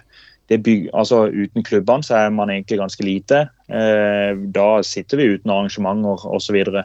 så det, det er viktig at man bidrar i, i klubben sin, og at man engasjerer seg der. fordi at eh, Uten klubbene så blir det ikke baner, og uten eh, baner så blir det heller ikke noe bedre spillere. Så det, det, alt grunner eh, i det, altså. Men det er litt sånn som eh, Jon sier det. Altså, det er noe med å, fortelle den historien. Og alle vi som sitter her, Jon i sin tid, Leiv når han begynte, og, Ola og jeg når vi begynte, har jo blitt ivaretatt og fått lov til å lære og blitt lært opp både eh, kutymemessig, men også sportslig. Altså, jeg har, har fått så mye gratis opplæring at, at det å Eh, at, at man, man må huske hvor er det man har fått den kunnskapen fra. Eh, og da er det jo eh, folk som har tatt tid for å lære meg opp, rett og slett. Eh, og da har jeg lyst til å snu meg rundt og eh, lære opp nye som gjerne vil. Da. Jeg vil jo ikke tvinge noen. Så det, det tror jeg er eh, viktig. å og gjøre det gjennom klubben, og tørre å vise klubben sin. Øh, Hva er det vi gjør? Det vi, her har vi et anlegg, som Jon sier i starten, i 100 000-kronersklassen. Og vi drifter det, og vi passer på det. Og du kan gjerne få lov til å bruke det, men, men da skal du være med å ta, ta vare på det, ikke ødelegge det, liksom. Det tror jeg er veldig viktig, at man gjør seg sjøl litt synlig. Men samtidig så vil jeg skyte inn at, at, eh, at uh, Jeg vil jo gjerne at sporten skal vokse, men så må vi også tørre å la sporten få lov til å kommersiali- kommersialiseres også. At, måte, at man, Men det er man ikke får, enten-eller. Nei, det er det, jeg- det er det jeg mener litt eh, til svar til Ja. Ola. Da, det er ikke enten-eller, på en måte, men altså, det må vi må tørre å la noen tjene noe på sporten nå. Ja, ja, Eh, det tror jeg vi er, det, det er vi nødt til, og hvis ikke så vil ikke sporten eh, Og det vil, løfte, det vil jo løfte idretten, eh, men jeg, jeg mener fortsatt at man som klubb skal kunne tilby nye spillere som bruker banen, klart, eller litt nybegynnerkurs og litt, litt grep og litt diskeutvalg. Altså det, det betyr jo Jeg er helt enig. og Det interessante her er jo at vi eh, samtidig diskuterer om det er litt for mye penger å betale 200 spenn i medlemskap. Ting henger på det sammen, da. Og, og det er for så vidt greit. Sånn er det, det er bra. Takk til Jørgen Maskelin for veldig fine spørsmål som uh, har spist masse tid, så vi hopper videre. Anders Haukedalen uh, er spent på å høre. Jon Henry Martinsen forteller om erfaringer med PDGA League fra i år. Personlig veldig begeistra for at de gadd å arrangere dette, og så håper jeg flere klubber kaster seg på og arrangerer tilsvarende. Så det var egentlig bare eh, kudos. Veldig hyggelig at han syns at det var hyggelig. Eh, vi har fått en del tilbakemeldinger på at det har vært eh, veldig fint at det har blitt gjort eh, i, en, i, en, eh, ja, i en tid hvor det kanskje har vært litt lite turneringer. Da. Eh, men det blei jo satt i gang på initiativ av eh, eh, et eh, annet klubbmedlem i, eh, i Stovner. Eh, så det var ikke verken mitt eller styrets initiativ den gangen. Det var klubbmedlems initiativ. Niklas Aasen. Eh, veldig, Nikolai Aasen. Det var veldig hyggelig. Og har også da stått for gjennomføringa fysisk på stedet, på spesielt Vinterligaen, eh, som gikk over seks søndager. Eh, Erfaringa er, litt todelt. Eh, Jeg kan kanskje begynne med det som skuffa meg, skuffa meg kanskje ja, som var den skuffende delen av det. Og det var jo at faktisk en del som syntes det var litt, litt dyrt å være med. 100 kroner runden. Eh, apropos det også eh, med, med, med penger inn i idretten vår. Uh, så jeg bare si at det er ganske dyrt å drifte et anlegg, og, og det er dyrt å drifte en, en klubb med, med flere anlegg også. Uh, I tillegg så koster det ganske mye penger å bruke Discold Metrics gjennom et år. Det koster et, et femsifra beløp med masse runder. Eh, Det koster å ha en PDGA-sanksjonert turnering. Eh, Det koster ingenting å ha frivillige til stede eh, i det hele tatt, fordi de får ikke en krone av det. Samtidig som vi har gjort en fordeling på eh, 60-40-60 ut i premier, 60 ut i premier. eh, 20% i avgifter og 20% i klubb, som skal ivareta bane og anlegg. Så litt skuffa der. Og så er jeg faktisk jeg var hakket til å si veldig skuffa over at eh, de såkalt høyt-rata spillerne har glimra med sitt fravær både i sommerligaen og i, i eh, denne høstligaen. Eh, Jeg hadde jo håpa at dette var noe som skulle tiltrekke seg de, i og med at det bare var på PDGA-medlemmer. Men åpenbart så er det ganske mange feige rating Skal ikke bruke ordet der ute. Som er redd for å miste sine ratingpoeng, eller, eller dele det, som du sier. Altså, spiller du bra, så får du som fortjent. Og spiller du dårlig, så får du som fortjent. Eh, Gjør man ikke det? Kjemper man ikke med seg sjøl der ute? Eh, Men det positive er jo at det var veldig veldig mange andre deltakere. Veldig mange i det nye segmentet, segmentet av nye spillere, nybegynnere og viderekommende spillere. eh, Som også har meldt seg inn i PDGA. Så jeg tror nok at vi har bidratt til å, å øke andelen eh, PDGA-medlemmer i, i Norge. eh, Som også er positivt. Det er sikkert noe å si der ute i, i verden i forhold til noe ting etter hvert, det også, vil jeg tro. Eh, og så er jeg veldig glad for alle som har deltatt og har eh, på en måte eh, hatt gode opplevelser og forbedra ratinga si. Eh, tross alt eh, at det ikke har vært med så altfor mange gode. Vi har hatt noen tusen rata runder som har vært kanon. Eh, så De fleste har vel egentlig økt ratinga si, og det, det er kult. Det er moro. Og så har folk fått opplevelsen av å spille turneringer, da. Det, det er det viktigste. Turneringserfaring. Eh, så får vi alltid ta med seg det videre. Er det den første PDGA-ligaen i Norge, vet du det? Eh, Det kan være. Det er nok en, eh, en eh, klubb på, på Sunnmøre som er mer opptatt av Norges første enn en det vi er. Så det er jeg ikke helt sikker på. Et lite stikk under bordet der, ja. Det det. Det kan, det kan være. ganske Altså. sikker på det. Skal vi se om jeg treffer. Vi tar den på den. uh, ja. eh, som uh, bivåner langt ifra, så syns jeg det var dritkult å se uh, at det ble gjort, Uh, og det inspirerte eh, i hvert fall meg til å tenke oh, hm, kanskje det er noe vi kan gjøre til neste år. Uh, fordi i hvert fall her i regionen her så ma, skrikes det etter mer sanksjonerte ting, og man har jo bare et visst antall helger i året hvor man kan arrangere, og da kan kanskje en sånn her PDGA-liga eh, ta bort litt av det behovet, da, og gi tilbake til miljøet som ønsker det. Eh, Hvilke eh, erfaringer har du med Jeg vet jo at det ble kjørt eh, golfstart eh, på mange av dem. Eller alle, kanskje? Eh, ja, i sommerligaen så var det golfstart. Eh, det var det. Eh, det fungerer jo som golfstart gjør det. Altså, det er vanskelig å være til stede eh, i de tolv timene i døgnet man har eh, utslipp, men eh, eh, det har fungert greit. Eh, det vi ikke får snakka om, har vi vært inne på tidligere, det er jo etikette, oppførsel, regler.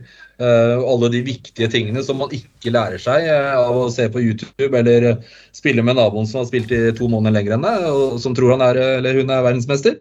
Eh, så det har vi gått glipp av. Eh, så det, er det triste med sånne golfstart i disse turneringene her. Høstligaen så vi ikke, hadde vi ikke golfstart. Eh, det var veldig verdifullt. Eh, absolutt. Eh, det har vært veldig fint. Eh, så lurer vi litt på om vi også skal åpne for ikke ikke-sanksjonerte spillere eh, eh, til, neste, til neste gang det eventuelt blir noe liga. Uh, Se hvordan vi klarer å få til det, for å få med enda flere og kanskje få de over i, i, eh, i miljøet. Når du sier ikke sanksjonerte, så mener du folk som ikke er medlem i PDGA? Eller? Ja. Ja. ja. Ja. Når folk legger bort den Metrix-ratinga, den betyr ikke noe. Så jeg har sagt det. Kjempeenig. Jeg er 1000% enig i dere. Og jeg, jeg kan ikke begynne å snakke om metringsrating. Jeg bare- jeg får høyt blodtrykk. Vi går videre. Ja, takk, eh, Haukeland. Eh, Fredrik Rundsjø eh, skriver Beste og verste erfaring med discgolf. Hva liker dere med discgolf Norge? Hva liker dere ikke? Eventuelt på hvilke områder skulle dere sett en forandring? Vi har snakka litt om det, men beste og verste? Ola, Ja, jeg skal skyte, jeg skal skyte der, altså. Kjør! En ting eh, så må jeg jo skryte på meg det, Jeg har jo vært i USA en gang og spilt etter store turneringer osv. Men i hvert fall, det som vi la merke til der, var at vi kom eh, rett etter Det var vel første året de arrangerte, tror jeg, Las Vegas. Mm, Der kan eh, mange arrestere meg for at jeg sikkert ikke sier riktig. Men i hvert fall så kom vi ned på, på eh, Memorial, og så kom de andre fra Las Vegas og var egentlig ganske dritsure. Fordi at eh, de mente det var en dårlig bane, det var litt dårlig arrangement osv. Men det var jo første året. Men det som var, var at det var veldig få som snakka om det. Det var veldig få som uttrykte det. Det sto ingenting på sosiale medier om, eh, om arrangement og osv. Men det er noe jeg føler i Norge så er man ekstremt gode på å sette fokus på hva som ikke fungerer, hva som er bra, nei, hva som er dårlig, og hvordan det burde være, osv. Vi var litt inne på det i stad, men det er det der med å bygge opp eh, under de som faktisk tar litt ansvar. Eh, er det noen som arrangerer Norgescup for første gang, da? Vær med å bygge opp, gi de ros, og gi de heller litt mer sånn konstruktiv eh, kritikk istedenfor å poste masse drit på et frisbeegolfforum og bryte folk ned for at de tar ansvar for at det blir eh, Norgescup osv. Så, videre, og så, videre. så vær litt sånn alle der ute som sitter bak eh, tastaturet, vær litt eh, påpasselig med hva man faktisk kommenterer. Det er noen som har brukt eh, 1000 timer i skogen på å bygge opp et bra anlegg for at folk skal kose seg. Jeg har en tese om at vi i Norge har en ganske høy standard på turneringene våre, men fordi at de norske spillerne ikke har eh, erfart noe annet, så, Ja. så, så, så blir på en måte det eh, standarden deres, eller eh, det gylne snitt for dem, på en måte er er, er Disc Golf Pro. Tour Ja. eller en norgescup på, på B-tier-nivå. da Men jeg, eh, nå har ikke jeg spilt i USA, eh, av eh, den enkle grunn at jeg ikke flyr så mye. Eh, men jeg, jeg føler jo at vi har en ganske høy standard på turneringene vi har i Norge, sånn ut ifra hva man kanskje får i USA, da. Ja, helt sinnssykt. Og det, som, eh, det er jo ikke det folk, folk er ikke klar over det, for de har ikke reist nok. Men jeg husker jo et år vi var nede i Nederland og spilte det, Da var Jon også der, og vi spilte Dutch Open. Jeg mener du var der, men eh, Ja, jeg- var ja. Ja, og da, da, da liksom eh, Altså bare Vi spilte vel en eurotur, og bare for å sammenligne med arrangement, arrangement i Norge Hver eneste sånn vestkysttur, trøndertur, alle de her torene, eh, tårene som er rundt omkring, alle de har ti ganger bedre arrangement enn det det er i en eurotur. Mm. Så det, det, folk er, ikke egentlig klar over hvor bra arrangement vi har her i Norge. Der sto vi inne i et spillemøte, og så var det noen som, som sier til det er det noen som har noen spørsmål. Og Da sto vi inne i et tight rom. Nei, da er det ingen som har et eh, spørsmål. Nei, da går vi bare videre til og så setter vi oss i baren, og så koser de seg. Og da kom du, eh, du var, Var det spillemøte? Hæ? Ja, det var spillermøte. Et, sp et spørsmål om noen hadde spørsmål? Ja, er det noen som har spørsmål om banen? Nei, ok, ingen spørsmål om det. Nei, da, da er spillemøtet over. Lykke til. Det begynner klokka ti i morgen. Det skal jo sies at eh, det var ikke så mye å spørre om, for det var jo nesten ikke en kurv for banen ennå. Nei, det var... Og de ble jo flytta òg noe. Det var jo noen forlengelser noe hull underveis der. og Det var, det var ikke måte på. Og det, og det, ja.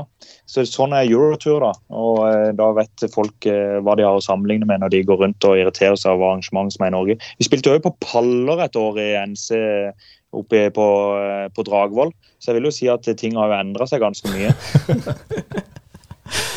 Men, men eh, hva, eh, hva er det beste hva, hva, er det du liker med discgolf i Norge, da? Nei, ja. Nei, men eh, det er nok kanskje den, eh, den opplevelsen man får når man reiser rundt eh, og besøker andre baner, eh, lærer av hverandre når de tinga der fungerer.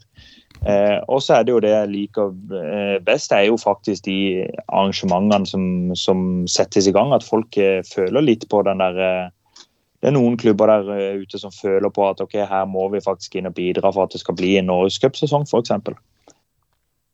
De som tar ansvar. Det som er litt synd, er jo at det er de samme klubbene man ser om og om igjen som, som tar ansvar for miljøet. og det, det, det er nok mange av de etablerte klubbene som, som har vært her i mange år og som, som kjenner litt på det. Jeg tipper det at Jon også kjenner på det hvis ikke det blir en eh, sesong hvor, eh, hvor folk ikke stiller opp og tar litt ansvar for at det skal gjennomføres en god sesong. Ja, vi klarte å la være i fjor. Jeg satt veldig på hendene, for å si det sånn. Så vi tok ikke en for laget, vi tok en for alle nybegynnerne isteden.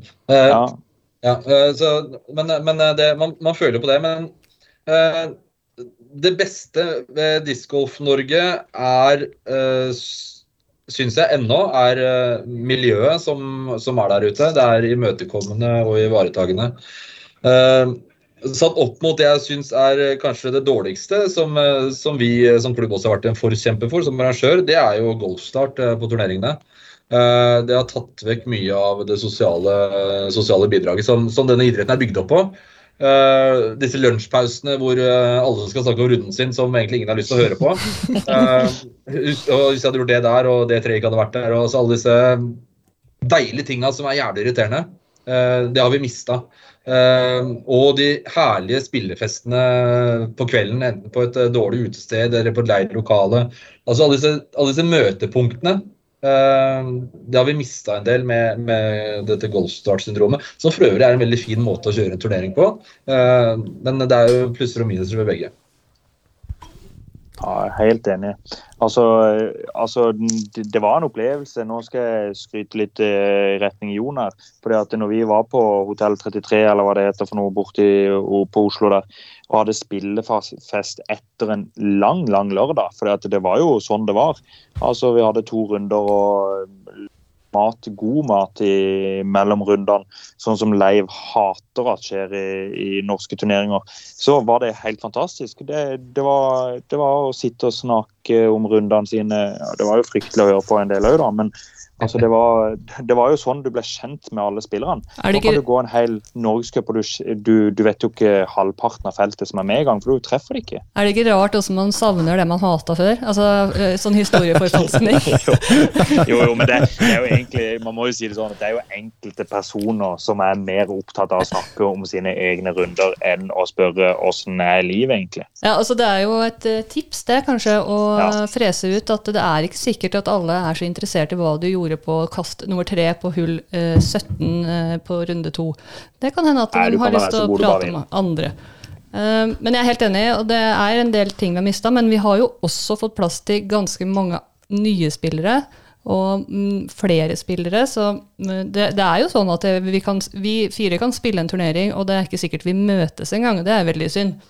Ja, For det, det er jo folka og miljøene som er kule med disksport ofte. Eh, Men samtidig så er det veldig gøy at det er så mange som er hypp på å bli med.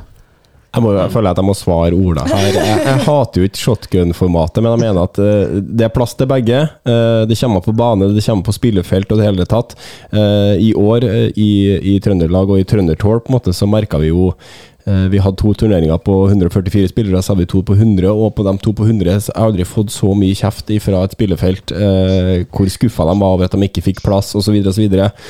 I tillegg så eh, Jeg har veldig gode erfaringer med golfstart eh, fra eh, Trøndertår da, eh, her i Trøndelag, men der har vi jo eh, som Jon Henry påpeker, på en måte, for å ivareta det sosiale, at man møtes og at det er en ramme og sånne ting, så har vi gjort en del grep som har gjort at vi har eh, faktisk fått spillere til å være igjen, se på andre, eh, være caddy. Vi har med en annonsør som, som snakker rundt rundene og alt det der, og, og føler at vi vi har egentlig ikke tapt det sosiale, men vi har faktisk fått litt mer ut av det. Men det, det koster litt ressurser på en måte å, og, og sørge for at ikke spillere bare drar hjem når runden er ferdig og alt det der. da, og Legge opp til spillefester og sånne type ting. Eh, men jeg er langt ifra imot shotgun. Jeg mener bare at det er plass til begge, eh, og at eh, det må på en måte ja, eh, Premisset er både bane og spillefelt. da, og eh, med den sinnssyke eksplosjonen av spillere som har lyst til å delta i turneringa nå, så, så er det et fint eh, tilskudd til, til konkurranseformat her til lands, da, syns jeg. Mm. Ja, det er jeg jo egentlig enig og- men det er jo et, et veldig sammensatt og det er kanskje ikke en diskusjon vi skal gå inn på nå. Men uh, tidligere så hadde man jo faktisk en runde på søndag pluss en nihjulsfinale hvor uh, resten av feltet fulgte med rundt, og det ble en stor greie rundt premieutdelinga. Nå ser man jo at folk er jo ikke igjen til premieutdelinga, fordi at folk slutta jo sin runde for to timer siden, og så skal de kjøre til Oslo eh, eller til Trondheim for den saks skyld. Så, så, så ting er- endrer seg jo, men det er jo det jo at ja, det blir flere spillere, og så skal man òg ha, man skal ha frivillige på en fredag hvis man skal kjøre golfstart. Så det, det er liksom fordeler og ulemper med, med alt, da. Så, så hvor man ender hen, det er jo kanskje ja, Det er jo noe som blir snakka om ofte, er jo om man skal spisse det enda mer. Skal man kanskje gå ned til 72 spillere, og så skal man ha noe kvalifisering eller noe for å ha det sterkeste feltet i en NC, eller hva man skal. Det er jo spørsmål som kommer, kommer opp, opp, øh, opp om og om igjen. Ja.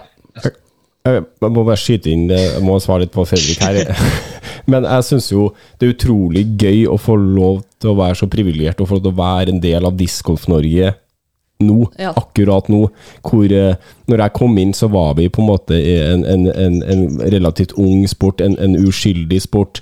En Alle kjente alle, alle. ja. Det var 70 påmeldte i Norgescupen til, til i dag. Jeg har bare vært her i fem år, og, og nå liksom tar det av. Tenk deg åssen det er for Jon, da. Ja. Dette har jeg venta tenker på. det er, eh, jeg tenker det er deg, eller Ja, det, det er kanskje har noe med deg å gjøre. Kan jeg aldri tro. Altså, vi eh, kjørte sy, ja, seks stykker, tror jeg vi var fra Oslo i 94. Hørte eh, Norge i VM på radio på vei til Måløy. Veldig dårlig dekning for øvrig. Eh, I to leide biler. Eh, kom til Måløy for å spille Norgescup. Vi var eh, seks fra Oslo, og så var de fem der borte. Og de venta på oss til vi kom fram. Så starta vi. Ja. Så det, det har endra seg mye, og det er innmari kult at det har gjort det. Eh, Men vi må også ivareta grunnpilaren da, som eh, Ola var inne på i stad, som er fair play og være god med hverandre. Ja, og det tror jeg er et sånn viktig punkt, og det har vi sett at det har vært issues med. Eh, Det Jeg med tror jo at det også kommer fra korona og flexstart, og at man bare spiller med han naboen sin, som, og så har man sin egen greie. At når man får møtes litt mer, så får vi oppdratt folk litt mer også. Ja, fordi vi må jo nevne elefanten i rommet. Det har vært, eh, det har vært en del episoder med juks i Norge. eh, som en følge av at vi har fryktelig mange nye spillere.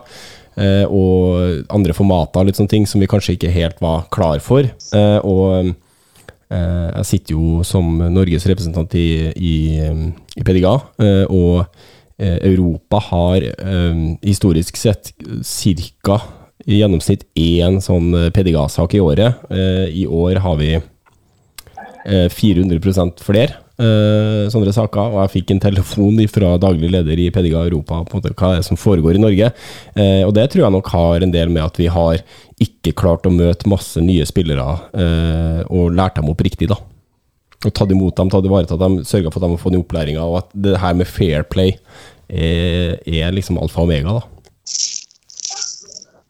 Ja, altså eh, Jeg kan bare si at jeg er eh, veldig enig i eh, det du sier. At eh, Samtidig er det veldig trist, men så får vi lære av det. Så får vi ta de stegene og gå videre på det. Nå tror jeg ikke noen av de to som juksa i en turnering hos oss på Stovner, som for øvrig begge var Stovner-medlemmer, nye av året også eh, En har meldt seg ut med en gang. Jeg tror ikke de gjør dette igjen. Eh, Og så syns jeg at eh, miljøet er eh, forholdsvis tilgivende, og det er, det er fint. Det er bra at det blir ivaretatt når du kommer tilbake også. Jeg har fått noen tilbakemeldinger på det, spesielt fra Nevne, at jeg syns det var veldig hyggelig å komme tilbake etter utestengelsen. Og, og, og det sier jo også litt om rausheten. Altså, Vi skal ikke godta denne juksinga, men vi skal godta mennesket bak, og det, det er viktig. Ja, og det tror jeg Jeg, jeg mener jo at, um, at det er Uh, spesielt viktig uh, i idretten vår at vi ikke jukser. Altså det er basert på tillit. Vi er hverandres uh, dommere. Um, og, men um, så det at man er raus, må jo også Altså det må kunne komme frem at det her er ikke greit. For det, det, det, potensielt så ødelegger man jo eh, grunnlaget hvis man eh, godtar juksing. Så, så, det er ikke bare deg sjæl du ødelegger for hvis du blir tatt. Du ødelegger for ganske mange flere. Tør å si ifra til hverandre. Ja. Eh, klarer du ikke å si det på en ok måte, så si det på en dårlig måte. Men det viktigste er at man sier ifra til hverandre. Ok, da tror jeg vi må gå videre. Takk, Fredrik Rundsjø. Vi går over til Lennart Denstad, som har et lengre innlegg. Jeg drar ut noen ekstrakter her, og det går vel på det her med eh, Fordi at Trondheim Frisbeeklubb har et prosjekt eh, i, i Tillerskogen her i Trondheim. De har jobba veldig lenge, møtt motstand i kommunen mot det her med kunstgress og fremmedelementer i eh, Nå snakker jeg om T-pads. I, I skog og mark. Eh, og da etterspør om ikke man kan få en nasjonal standard, og da fra forbundssida, som da kommunene kan eh, benytte seg av eh, for bygging av bane. Jeg syns det er vanskelig å være uenig i det. Han lurer også på om vi har advokatbistand i NIFE. Det har vi. Og kan slenge med hva tenker dere at ekstra lisenspenger til NIFE skal brukes på? Det har vi for så vidt snakka om. Men ja, eh, det med å ha, eh, få forbundet til å utarbeide en, eh, en, nasjonal standard for hvordan banen skal bygges og se ut, det er vel vanskelig å være uenig i. Ja, det har vi jo også egentlig prata om. Det er jo kjempe, kjempeforslag til hva eh, vi kan bruke forbundet vårt på. Og det har vi jo også snakka om. at eh, argumenter for eh, hvorfor det må være sånn, og undersøkelser. Altså vi, vi, som bor i Trondheim vet at det der har vært en veldig stor og ganske frustrerende prosess for Trondheim Frisbeeklubb. Samtidig så trekker de også frem et godt samarbeid med kommunen, og at de har eh, fått gode avtaler og mye hjelp. Men, men at man i en sånn situasjon da, som, som, uh, som de har vært i, at, at, at man er flere, eh, og at de gjør jo faktisk en jobb for oss nå. Eh, ikke bare i Trondheim, men i, det er sikkert flere som vil eh, møte på tilsvarende problematikk, som vil være veldig verdifullt for ja, Oslo eller Sørlandet eller noen andre. Så det tenker jeg at Denstad bør ta opp med klubblederen sin, som bør legge det frem som et forslag. Det her er noe vi vil ha, det har vi stort behov for. Diskutere det med andre klubbledere. Og så kan vi faktisk få det til nå. Ja, Det er en standard? da? Altså, hvem skal, eh, hvem skal, bestemme hva nasjonal standard er, og for hvilket grunnlag skal det være? Det er bare kritiske spørsmål. Ehm, eh, er det utforming av banen? Er det, er det utstyret som eh, skal brukes og, og lappes inn i, inn i, naturen vår, enten det er i asfaltjungelen eller i skogen? Ehm, hva, hva, er, hva er nasjonal standard? Ja, det jeg tenker på, er mer en hva blir det, en eh, bank for argumentasjoner og litt sånn tall på hva er, hva er et discgolfanlegg? Hva er det det gjør, hva er det det bidrar med? Hva, aktivitet eh, i forhold til kostnad, i forhold til slitasje på området. Altså at det er flere som har sjekka ut dette, det er jeg helt sikker på. Og i tillegg at eh, klubben ikke føler seg alene i dialogen med kommunen, kan lene seg på et forbund som har et sett med ja. utforma opplegg. da. Eh, vi går videre. Kim Hette, hvordan her er, her er spørsmålet jeg har lest, og det tenker jeg at Ola skal få svare på først. Han skjønner kanskje hvorfor. Eh, hvordan klare å holde et godt nivå på spilling samtidig som man er flink til å arrangere turneringer og drive klubb? Hva er hemmeligheten, Ola? Nei, det er umulig. Ferdig snakka. Nei da, det, det, er ikke umulig. Men, uh, men, det er nok litt sånn Svaret på det er nok eh, i det som vi har allerede snakka om, er at, vi, at, man må engasjere flere i styret.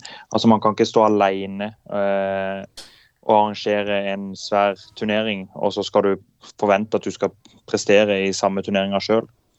Eh, så det handler vel egentlig det om at man må, man må være med og bidra. Eh, og man må ha flere som er med og bidrar. Altså Man kan ikke stå med det alene sjøl. Eh, og så er det nok altså Man klarer jo de første turneringene du, du arrangerer, så er det vanskelig å holde fokus på, på flere ting. Samtidig det vet vi alle her som sitter og diskuterer nå. Det har vi alle erfart, at det er vanskelig å prestere samtidig som du skal ha styr på både frivillige og TD-ting. Eh, så det, så det, men eh, sånne ting eh, venner man seg også til. Men eh, om det er noe fasitsvar på det, det, det har ikke jeg. Så derfor så har jeg valgt å gjøre, gjøre bare én av de det kommende året. Med, I tillegg til alle de her kall det forpliktelser man har som en eh, sp- ambassadør for sporten. Jon? Ja. Altså, Opprettholde godt nivå på spilling det har aldri vært et issue for, for meg. Eh, men eh, vi, har jo, vi, vi har jo andre i, i både styret og som er engasjert i klubbdrift, som, eh, som uh, har hatt et uh, veldig høyt nivå. Uh, hvor vi har sett at det ikke har latt seg kombinere. da. Ved å drive og eh, altså skal arrangere en turnering og være en stor bidragsyter i, i forkant eh, når man eh, i utgangspunktet ønsker å være der oppe og kjempe om, om den enerplassen, som betyr noe for, for de fleste. Det har ikke latt seg kombinere, så sjøl har jeg gått en god skole i det å drive turneringer. Jeg har reist, reist en del sjøl rundt i Europa nettopp for å se på hvordan andre har drifta turneringer. Eh, annet i, i Finland og på den beryktede banen The Beast, som kanskje ikke er så overveldende allikevel, men eh, utrolig kul. Eh, Vært mye rundt og sett dårlige turneringer, mye dårlige turneringer, spesielt i, i, i Nederland og, og Tyskland og Mellom-Europa. Ja. Jeg er eh, Så egentlig svaret er å jeg fikk noen bilder i hodet. Jeg tar det vekk. Sånn. Eh, Men det som er viktig, altså, det er jo ikke styret som må arrangere en turnering. eh, Eller, eller, eh, eller være den tekniske arrangøren av, av arrangementet. Det kan jo være en komité, en, en, en arrangementskomité. Det er veldig veldig mange andre i en stort sett i hvert fall, i en klubb enn en et styre. Selv om et styre har en idé, så er det ikke styret som absolutt trenger å gjennomføre det. Man kan ha en klam hånd over det. Ja, jeg, jeg tror det er viktig å fordele disse oppgavene rundt omkring i, i, i klubbene. Eh, Vi har fått en del tilbakemeldinger nå om at det er flere som har lyst til å arrangere uh, i, i Stovner. Uh, og Uh, uten å måte, legge noe mer i det enn hva det er, så har vi i hvert fall tenkt å arrangere og, og gjennomføre da, en type en sånn TD-opplæring som, som bygger på, på erfaring, og kanskje da lage en erfaringsbank på, på dette her, som gjør at flere ser at det ikke er så farlig å arrangere, og det ikke er så vanskelig å arrangere. Eh, avhengig av å ha gode folk eh, rundt deg som, som bidrar, eh, rett og slett. Eh, så jeg tror at det å opprettholde godt nivå og ha store, gode arrangementer, eh, det, jeg tror ikke det lar seg kombinere. Eh, Du kan godt være en spillende TD, men da skal du ha en forbanna god assisterende TD og et godt, et godt lag rundt deg. Men man blir ikke nødvendigvis noe dårligere spiller av å arrangere også. Det er viktig. Så, så man må ikke skremme vekk de som eh, kanskje sitter sånn der at eh, nei, hvis jeg melder meg inn i styret her og skal bidra, så går det utover mine egne resultater og prestasjoner på banen. For det, det gjør det jo ikke. Men, Nei, det, er det, jeg, eh, det er det jeg prøver å si. Altså, man trenger ikke å sitte i styret for å arrangere. Nei, absolutt. Så, men man kan jo også arrangere sine turneringer og allikevel eh, prestere bra. Eh, Øyvind Jarnes gjør det, f.eks. Han er et godt eksempel på det. Eh, arrangerer, er med å arrangere de største turneringene på Sula og allikevel klarer å prestere veldig bra på banen. Så, så det er egentlig det der med å, med å kunne ja, være eh, godt forberedt både på spilling og på, på turnering, og ikke sitte med altfor mye den siste uka. Eh, spesielt det som Hvis du skal kombinere det, da, så må du ikke ha mye turnerings... Eh, eh, ja, ting som, eh, som må gjøres den siste uka. For da, da mister du fokus på, på spillinga og den eh, opptreninga som du trenger til den eh, aktuelle konkurransen. Ja, og så handler det om hva er eh, altså, hvilket turneringssjikte man eh, er i, da. Ja. Så, det er jo forskjeller på en, en, en, en, eh, endagers eh, eller en enrundes eh, PDGA-turnering eller en, en eh, endagers turturnering eh, kontra en eh, tre-fire dagers eneste NM-turnering eller en Europa-tur. Altså, det, er jo, det er jo mange forskjeller her. Og Og jeg anbefaler jo eh, flest mulig å arrangere uh, flest mulig turneringer. Uh, gjerne de, de små turneringene til å starte med. Få, få turnerings... Uh, eh, hva heter det? Eh, Erfaring. erfaring. Takk. Eh, jobb med det, og, og tør å feile og tør å spørre. Og, d- Vi kan eh, sikkert Altså, vi eh, Jeg kan ta, kontaktes, jeg svarer. Det er sikkert flere som er der ute som har lyst til å dele, med, dele sin erfaring. Gode svar i gjestene der. Jeg kan ikke gjøre noe annet enn å samstemme i det som blir sagt. Vi har en bråte med flere spørsmål, men jeg har gått gjennom dem nå, og vi har svart på det meste via andre spørsmål. Vi skal ta med, vi skal avslutte med Roger Enebom eh, sitt eh, spørsmål, eh, som da blir det siste. Hvor viktig anser gjestene det er for vekst i sporten i Norge at vi får plass et system som kan sende våre beste juniorer, både beste herrer og damer, til VM? Og på hvilken måte bør dette gjøres? Kunne man f.eks. sette av en liten prosentandel av den nyinnførte lisensen til å bygge opp et fond som kan brukes til å sende et visst antall utøvere til VM hvert år? Jeg anser det ikke som så viktig. Kort sagt. Jeg er enig. Eh, Ikke helt punktum, men jeg er enig. Eh, Jeg syns det er eh, Jeg mener at det kanskje er både denne spillerens eh, ansvar VM er, et, er en individuell greie. Kontra et EM som, hvor, hvor, hvor vi har et forbud som tar ut spillerne våre. VM er PDGA-basert og kun det. Arrangeres, arrangeres av det. Så det, det er litt sånn vanskelig, vanskelig mellomting der. Men jeg mener at både klubbene har et ansvar, og spillerne har et ansvar. Eh, apropos det å tjene penger på sporten sin, så er det kan kanskje disse spillerne som har lyst til å reise over, og som er gode nok til å reise over, arrangere klinikker og eh, andre rariteter eh, gjennom, eh, gjennom klubbene sine. Og så kan klubbene utbetale dette i stipend eller hva det måtte være. Eh, Så slipper man kanskje unna, unna denne mye omtalte skatteetaten som har vært ute og rasla i, i eh, diskusjonene om dagen også. Men, eh, Eh, men tror dere ikke at, ja. eh, at hvis vi hadde fått en norsk verdensmester, selv om det er individuelt, og, uh, tror du ikke det hadde gjort eh, noe for hele idretten her til lands? Jo, det tror jeg eh, absolutt. Eh, uten tvil det klart, jeg klart jeg hadde gjort det. Vi, hadde jo, vi har jo hatt verdensmestere, og vi har jo også uh, siste europamesteren eh, fra 2000 og veldig lenge siden. Uh, så så, så eh, det er eh, klart det, det gir jo et løft, det. Men igjen da, så må jo VM settes eh, i et system eh, hvis eh, vi har et forbud som skal bidra til det. Så, så må det settes i, den rette konteksten. Da må det starte ikke nedenfra, men ovenfra. Og I mellomtiden da, så mener jeg at klubbene må hjelpe spillerne sine til å oppnå de måla de gjerne vil, eh, som omhandler penger. Og så må spillere også bidra sjøl til det. Ikke bare trene, men også bidra til å være en av gode ambassadører. Så er det nok mange andre ting som, eh, som vi har vært innom i dag, som bør prioriteres langt før eh, dette skal prioriteres på forbundet sin side. Eh, og så er det jo også det med at ja, VM er bra, og det ville vært veldig kult med en, med en spiller ja, En god spiller i VM, men jeg vet ikke om det er kanskje det viktigste for det norske miljøet. sånn sett. Nå er det jo eh, det forbundet har gjort, da, med i hvert fall damer og juniorer, er jo å ha samlinger for eh, de to eh, befolkningsandelene. Og det, det tenker jeg er en veldig bra vei å starte, selv om det ikke akkurat er VM. Så tror jeg det er veldig bra som stimuli til miljøet, både for uh, ungdommene og for damene. Så at, at man uh, også anerkjenner litt at forbundet gjør noe, da. Absolutt. Ja, ja visst gjør de det. Det var ikke det vi diskuterte. Jeg syns de er veldig flinke når det kommer til det. Så det er veldig bra. En stor fremgang. Bravo. Takk til Roger Enebom for det kveldens og episodens siste spørsmål. Eh, før vi gir oss Kan jeg si en ting? Ja?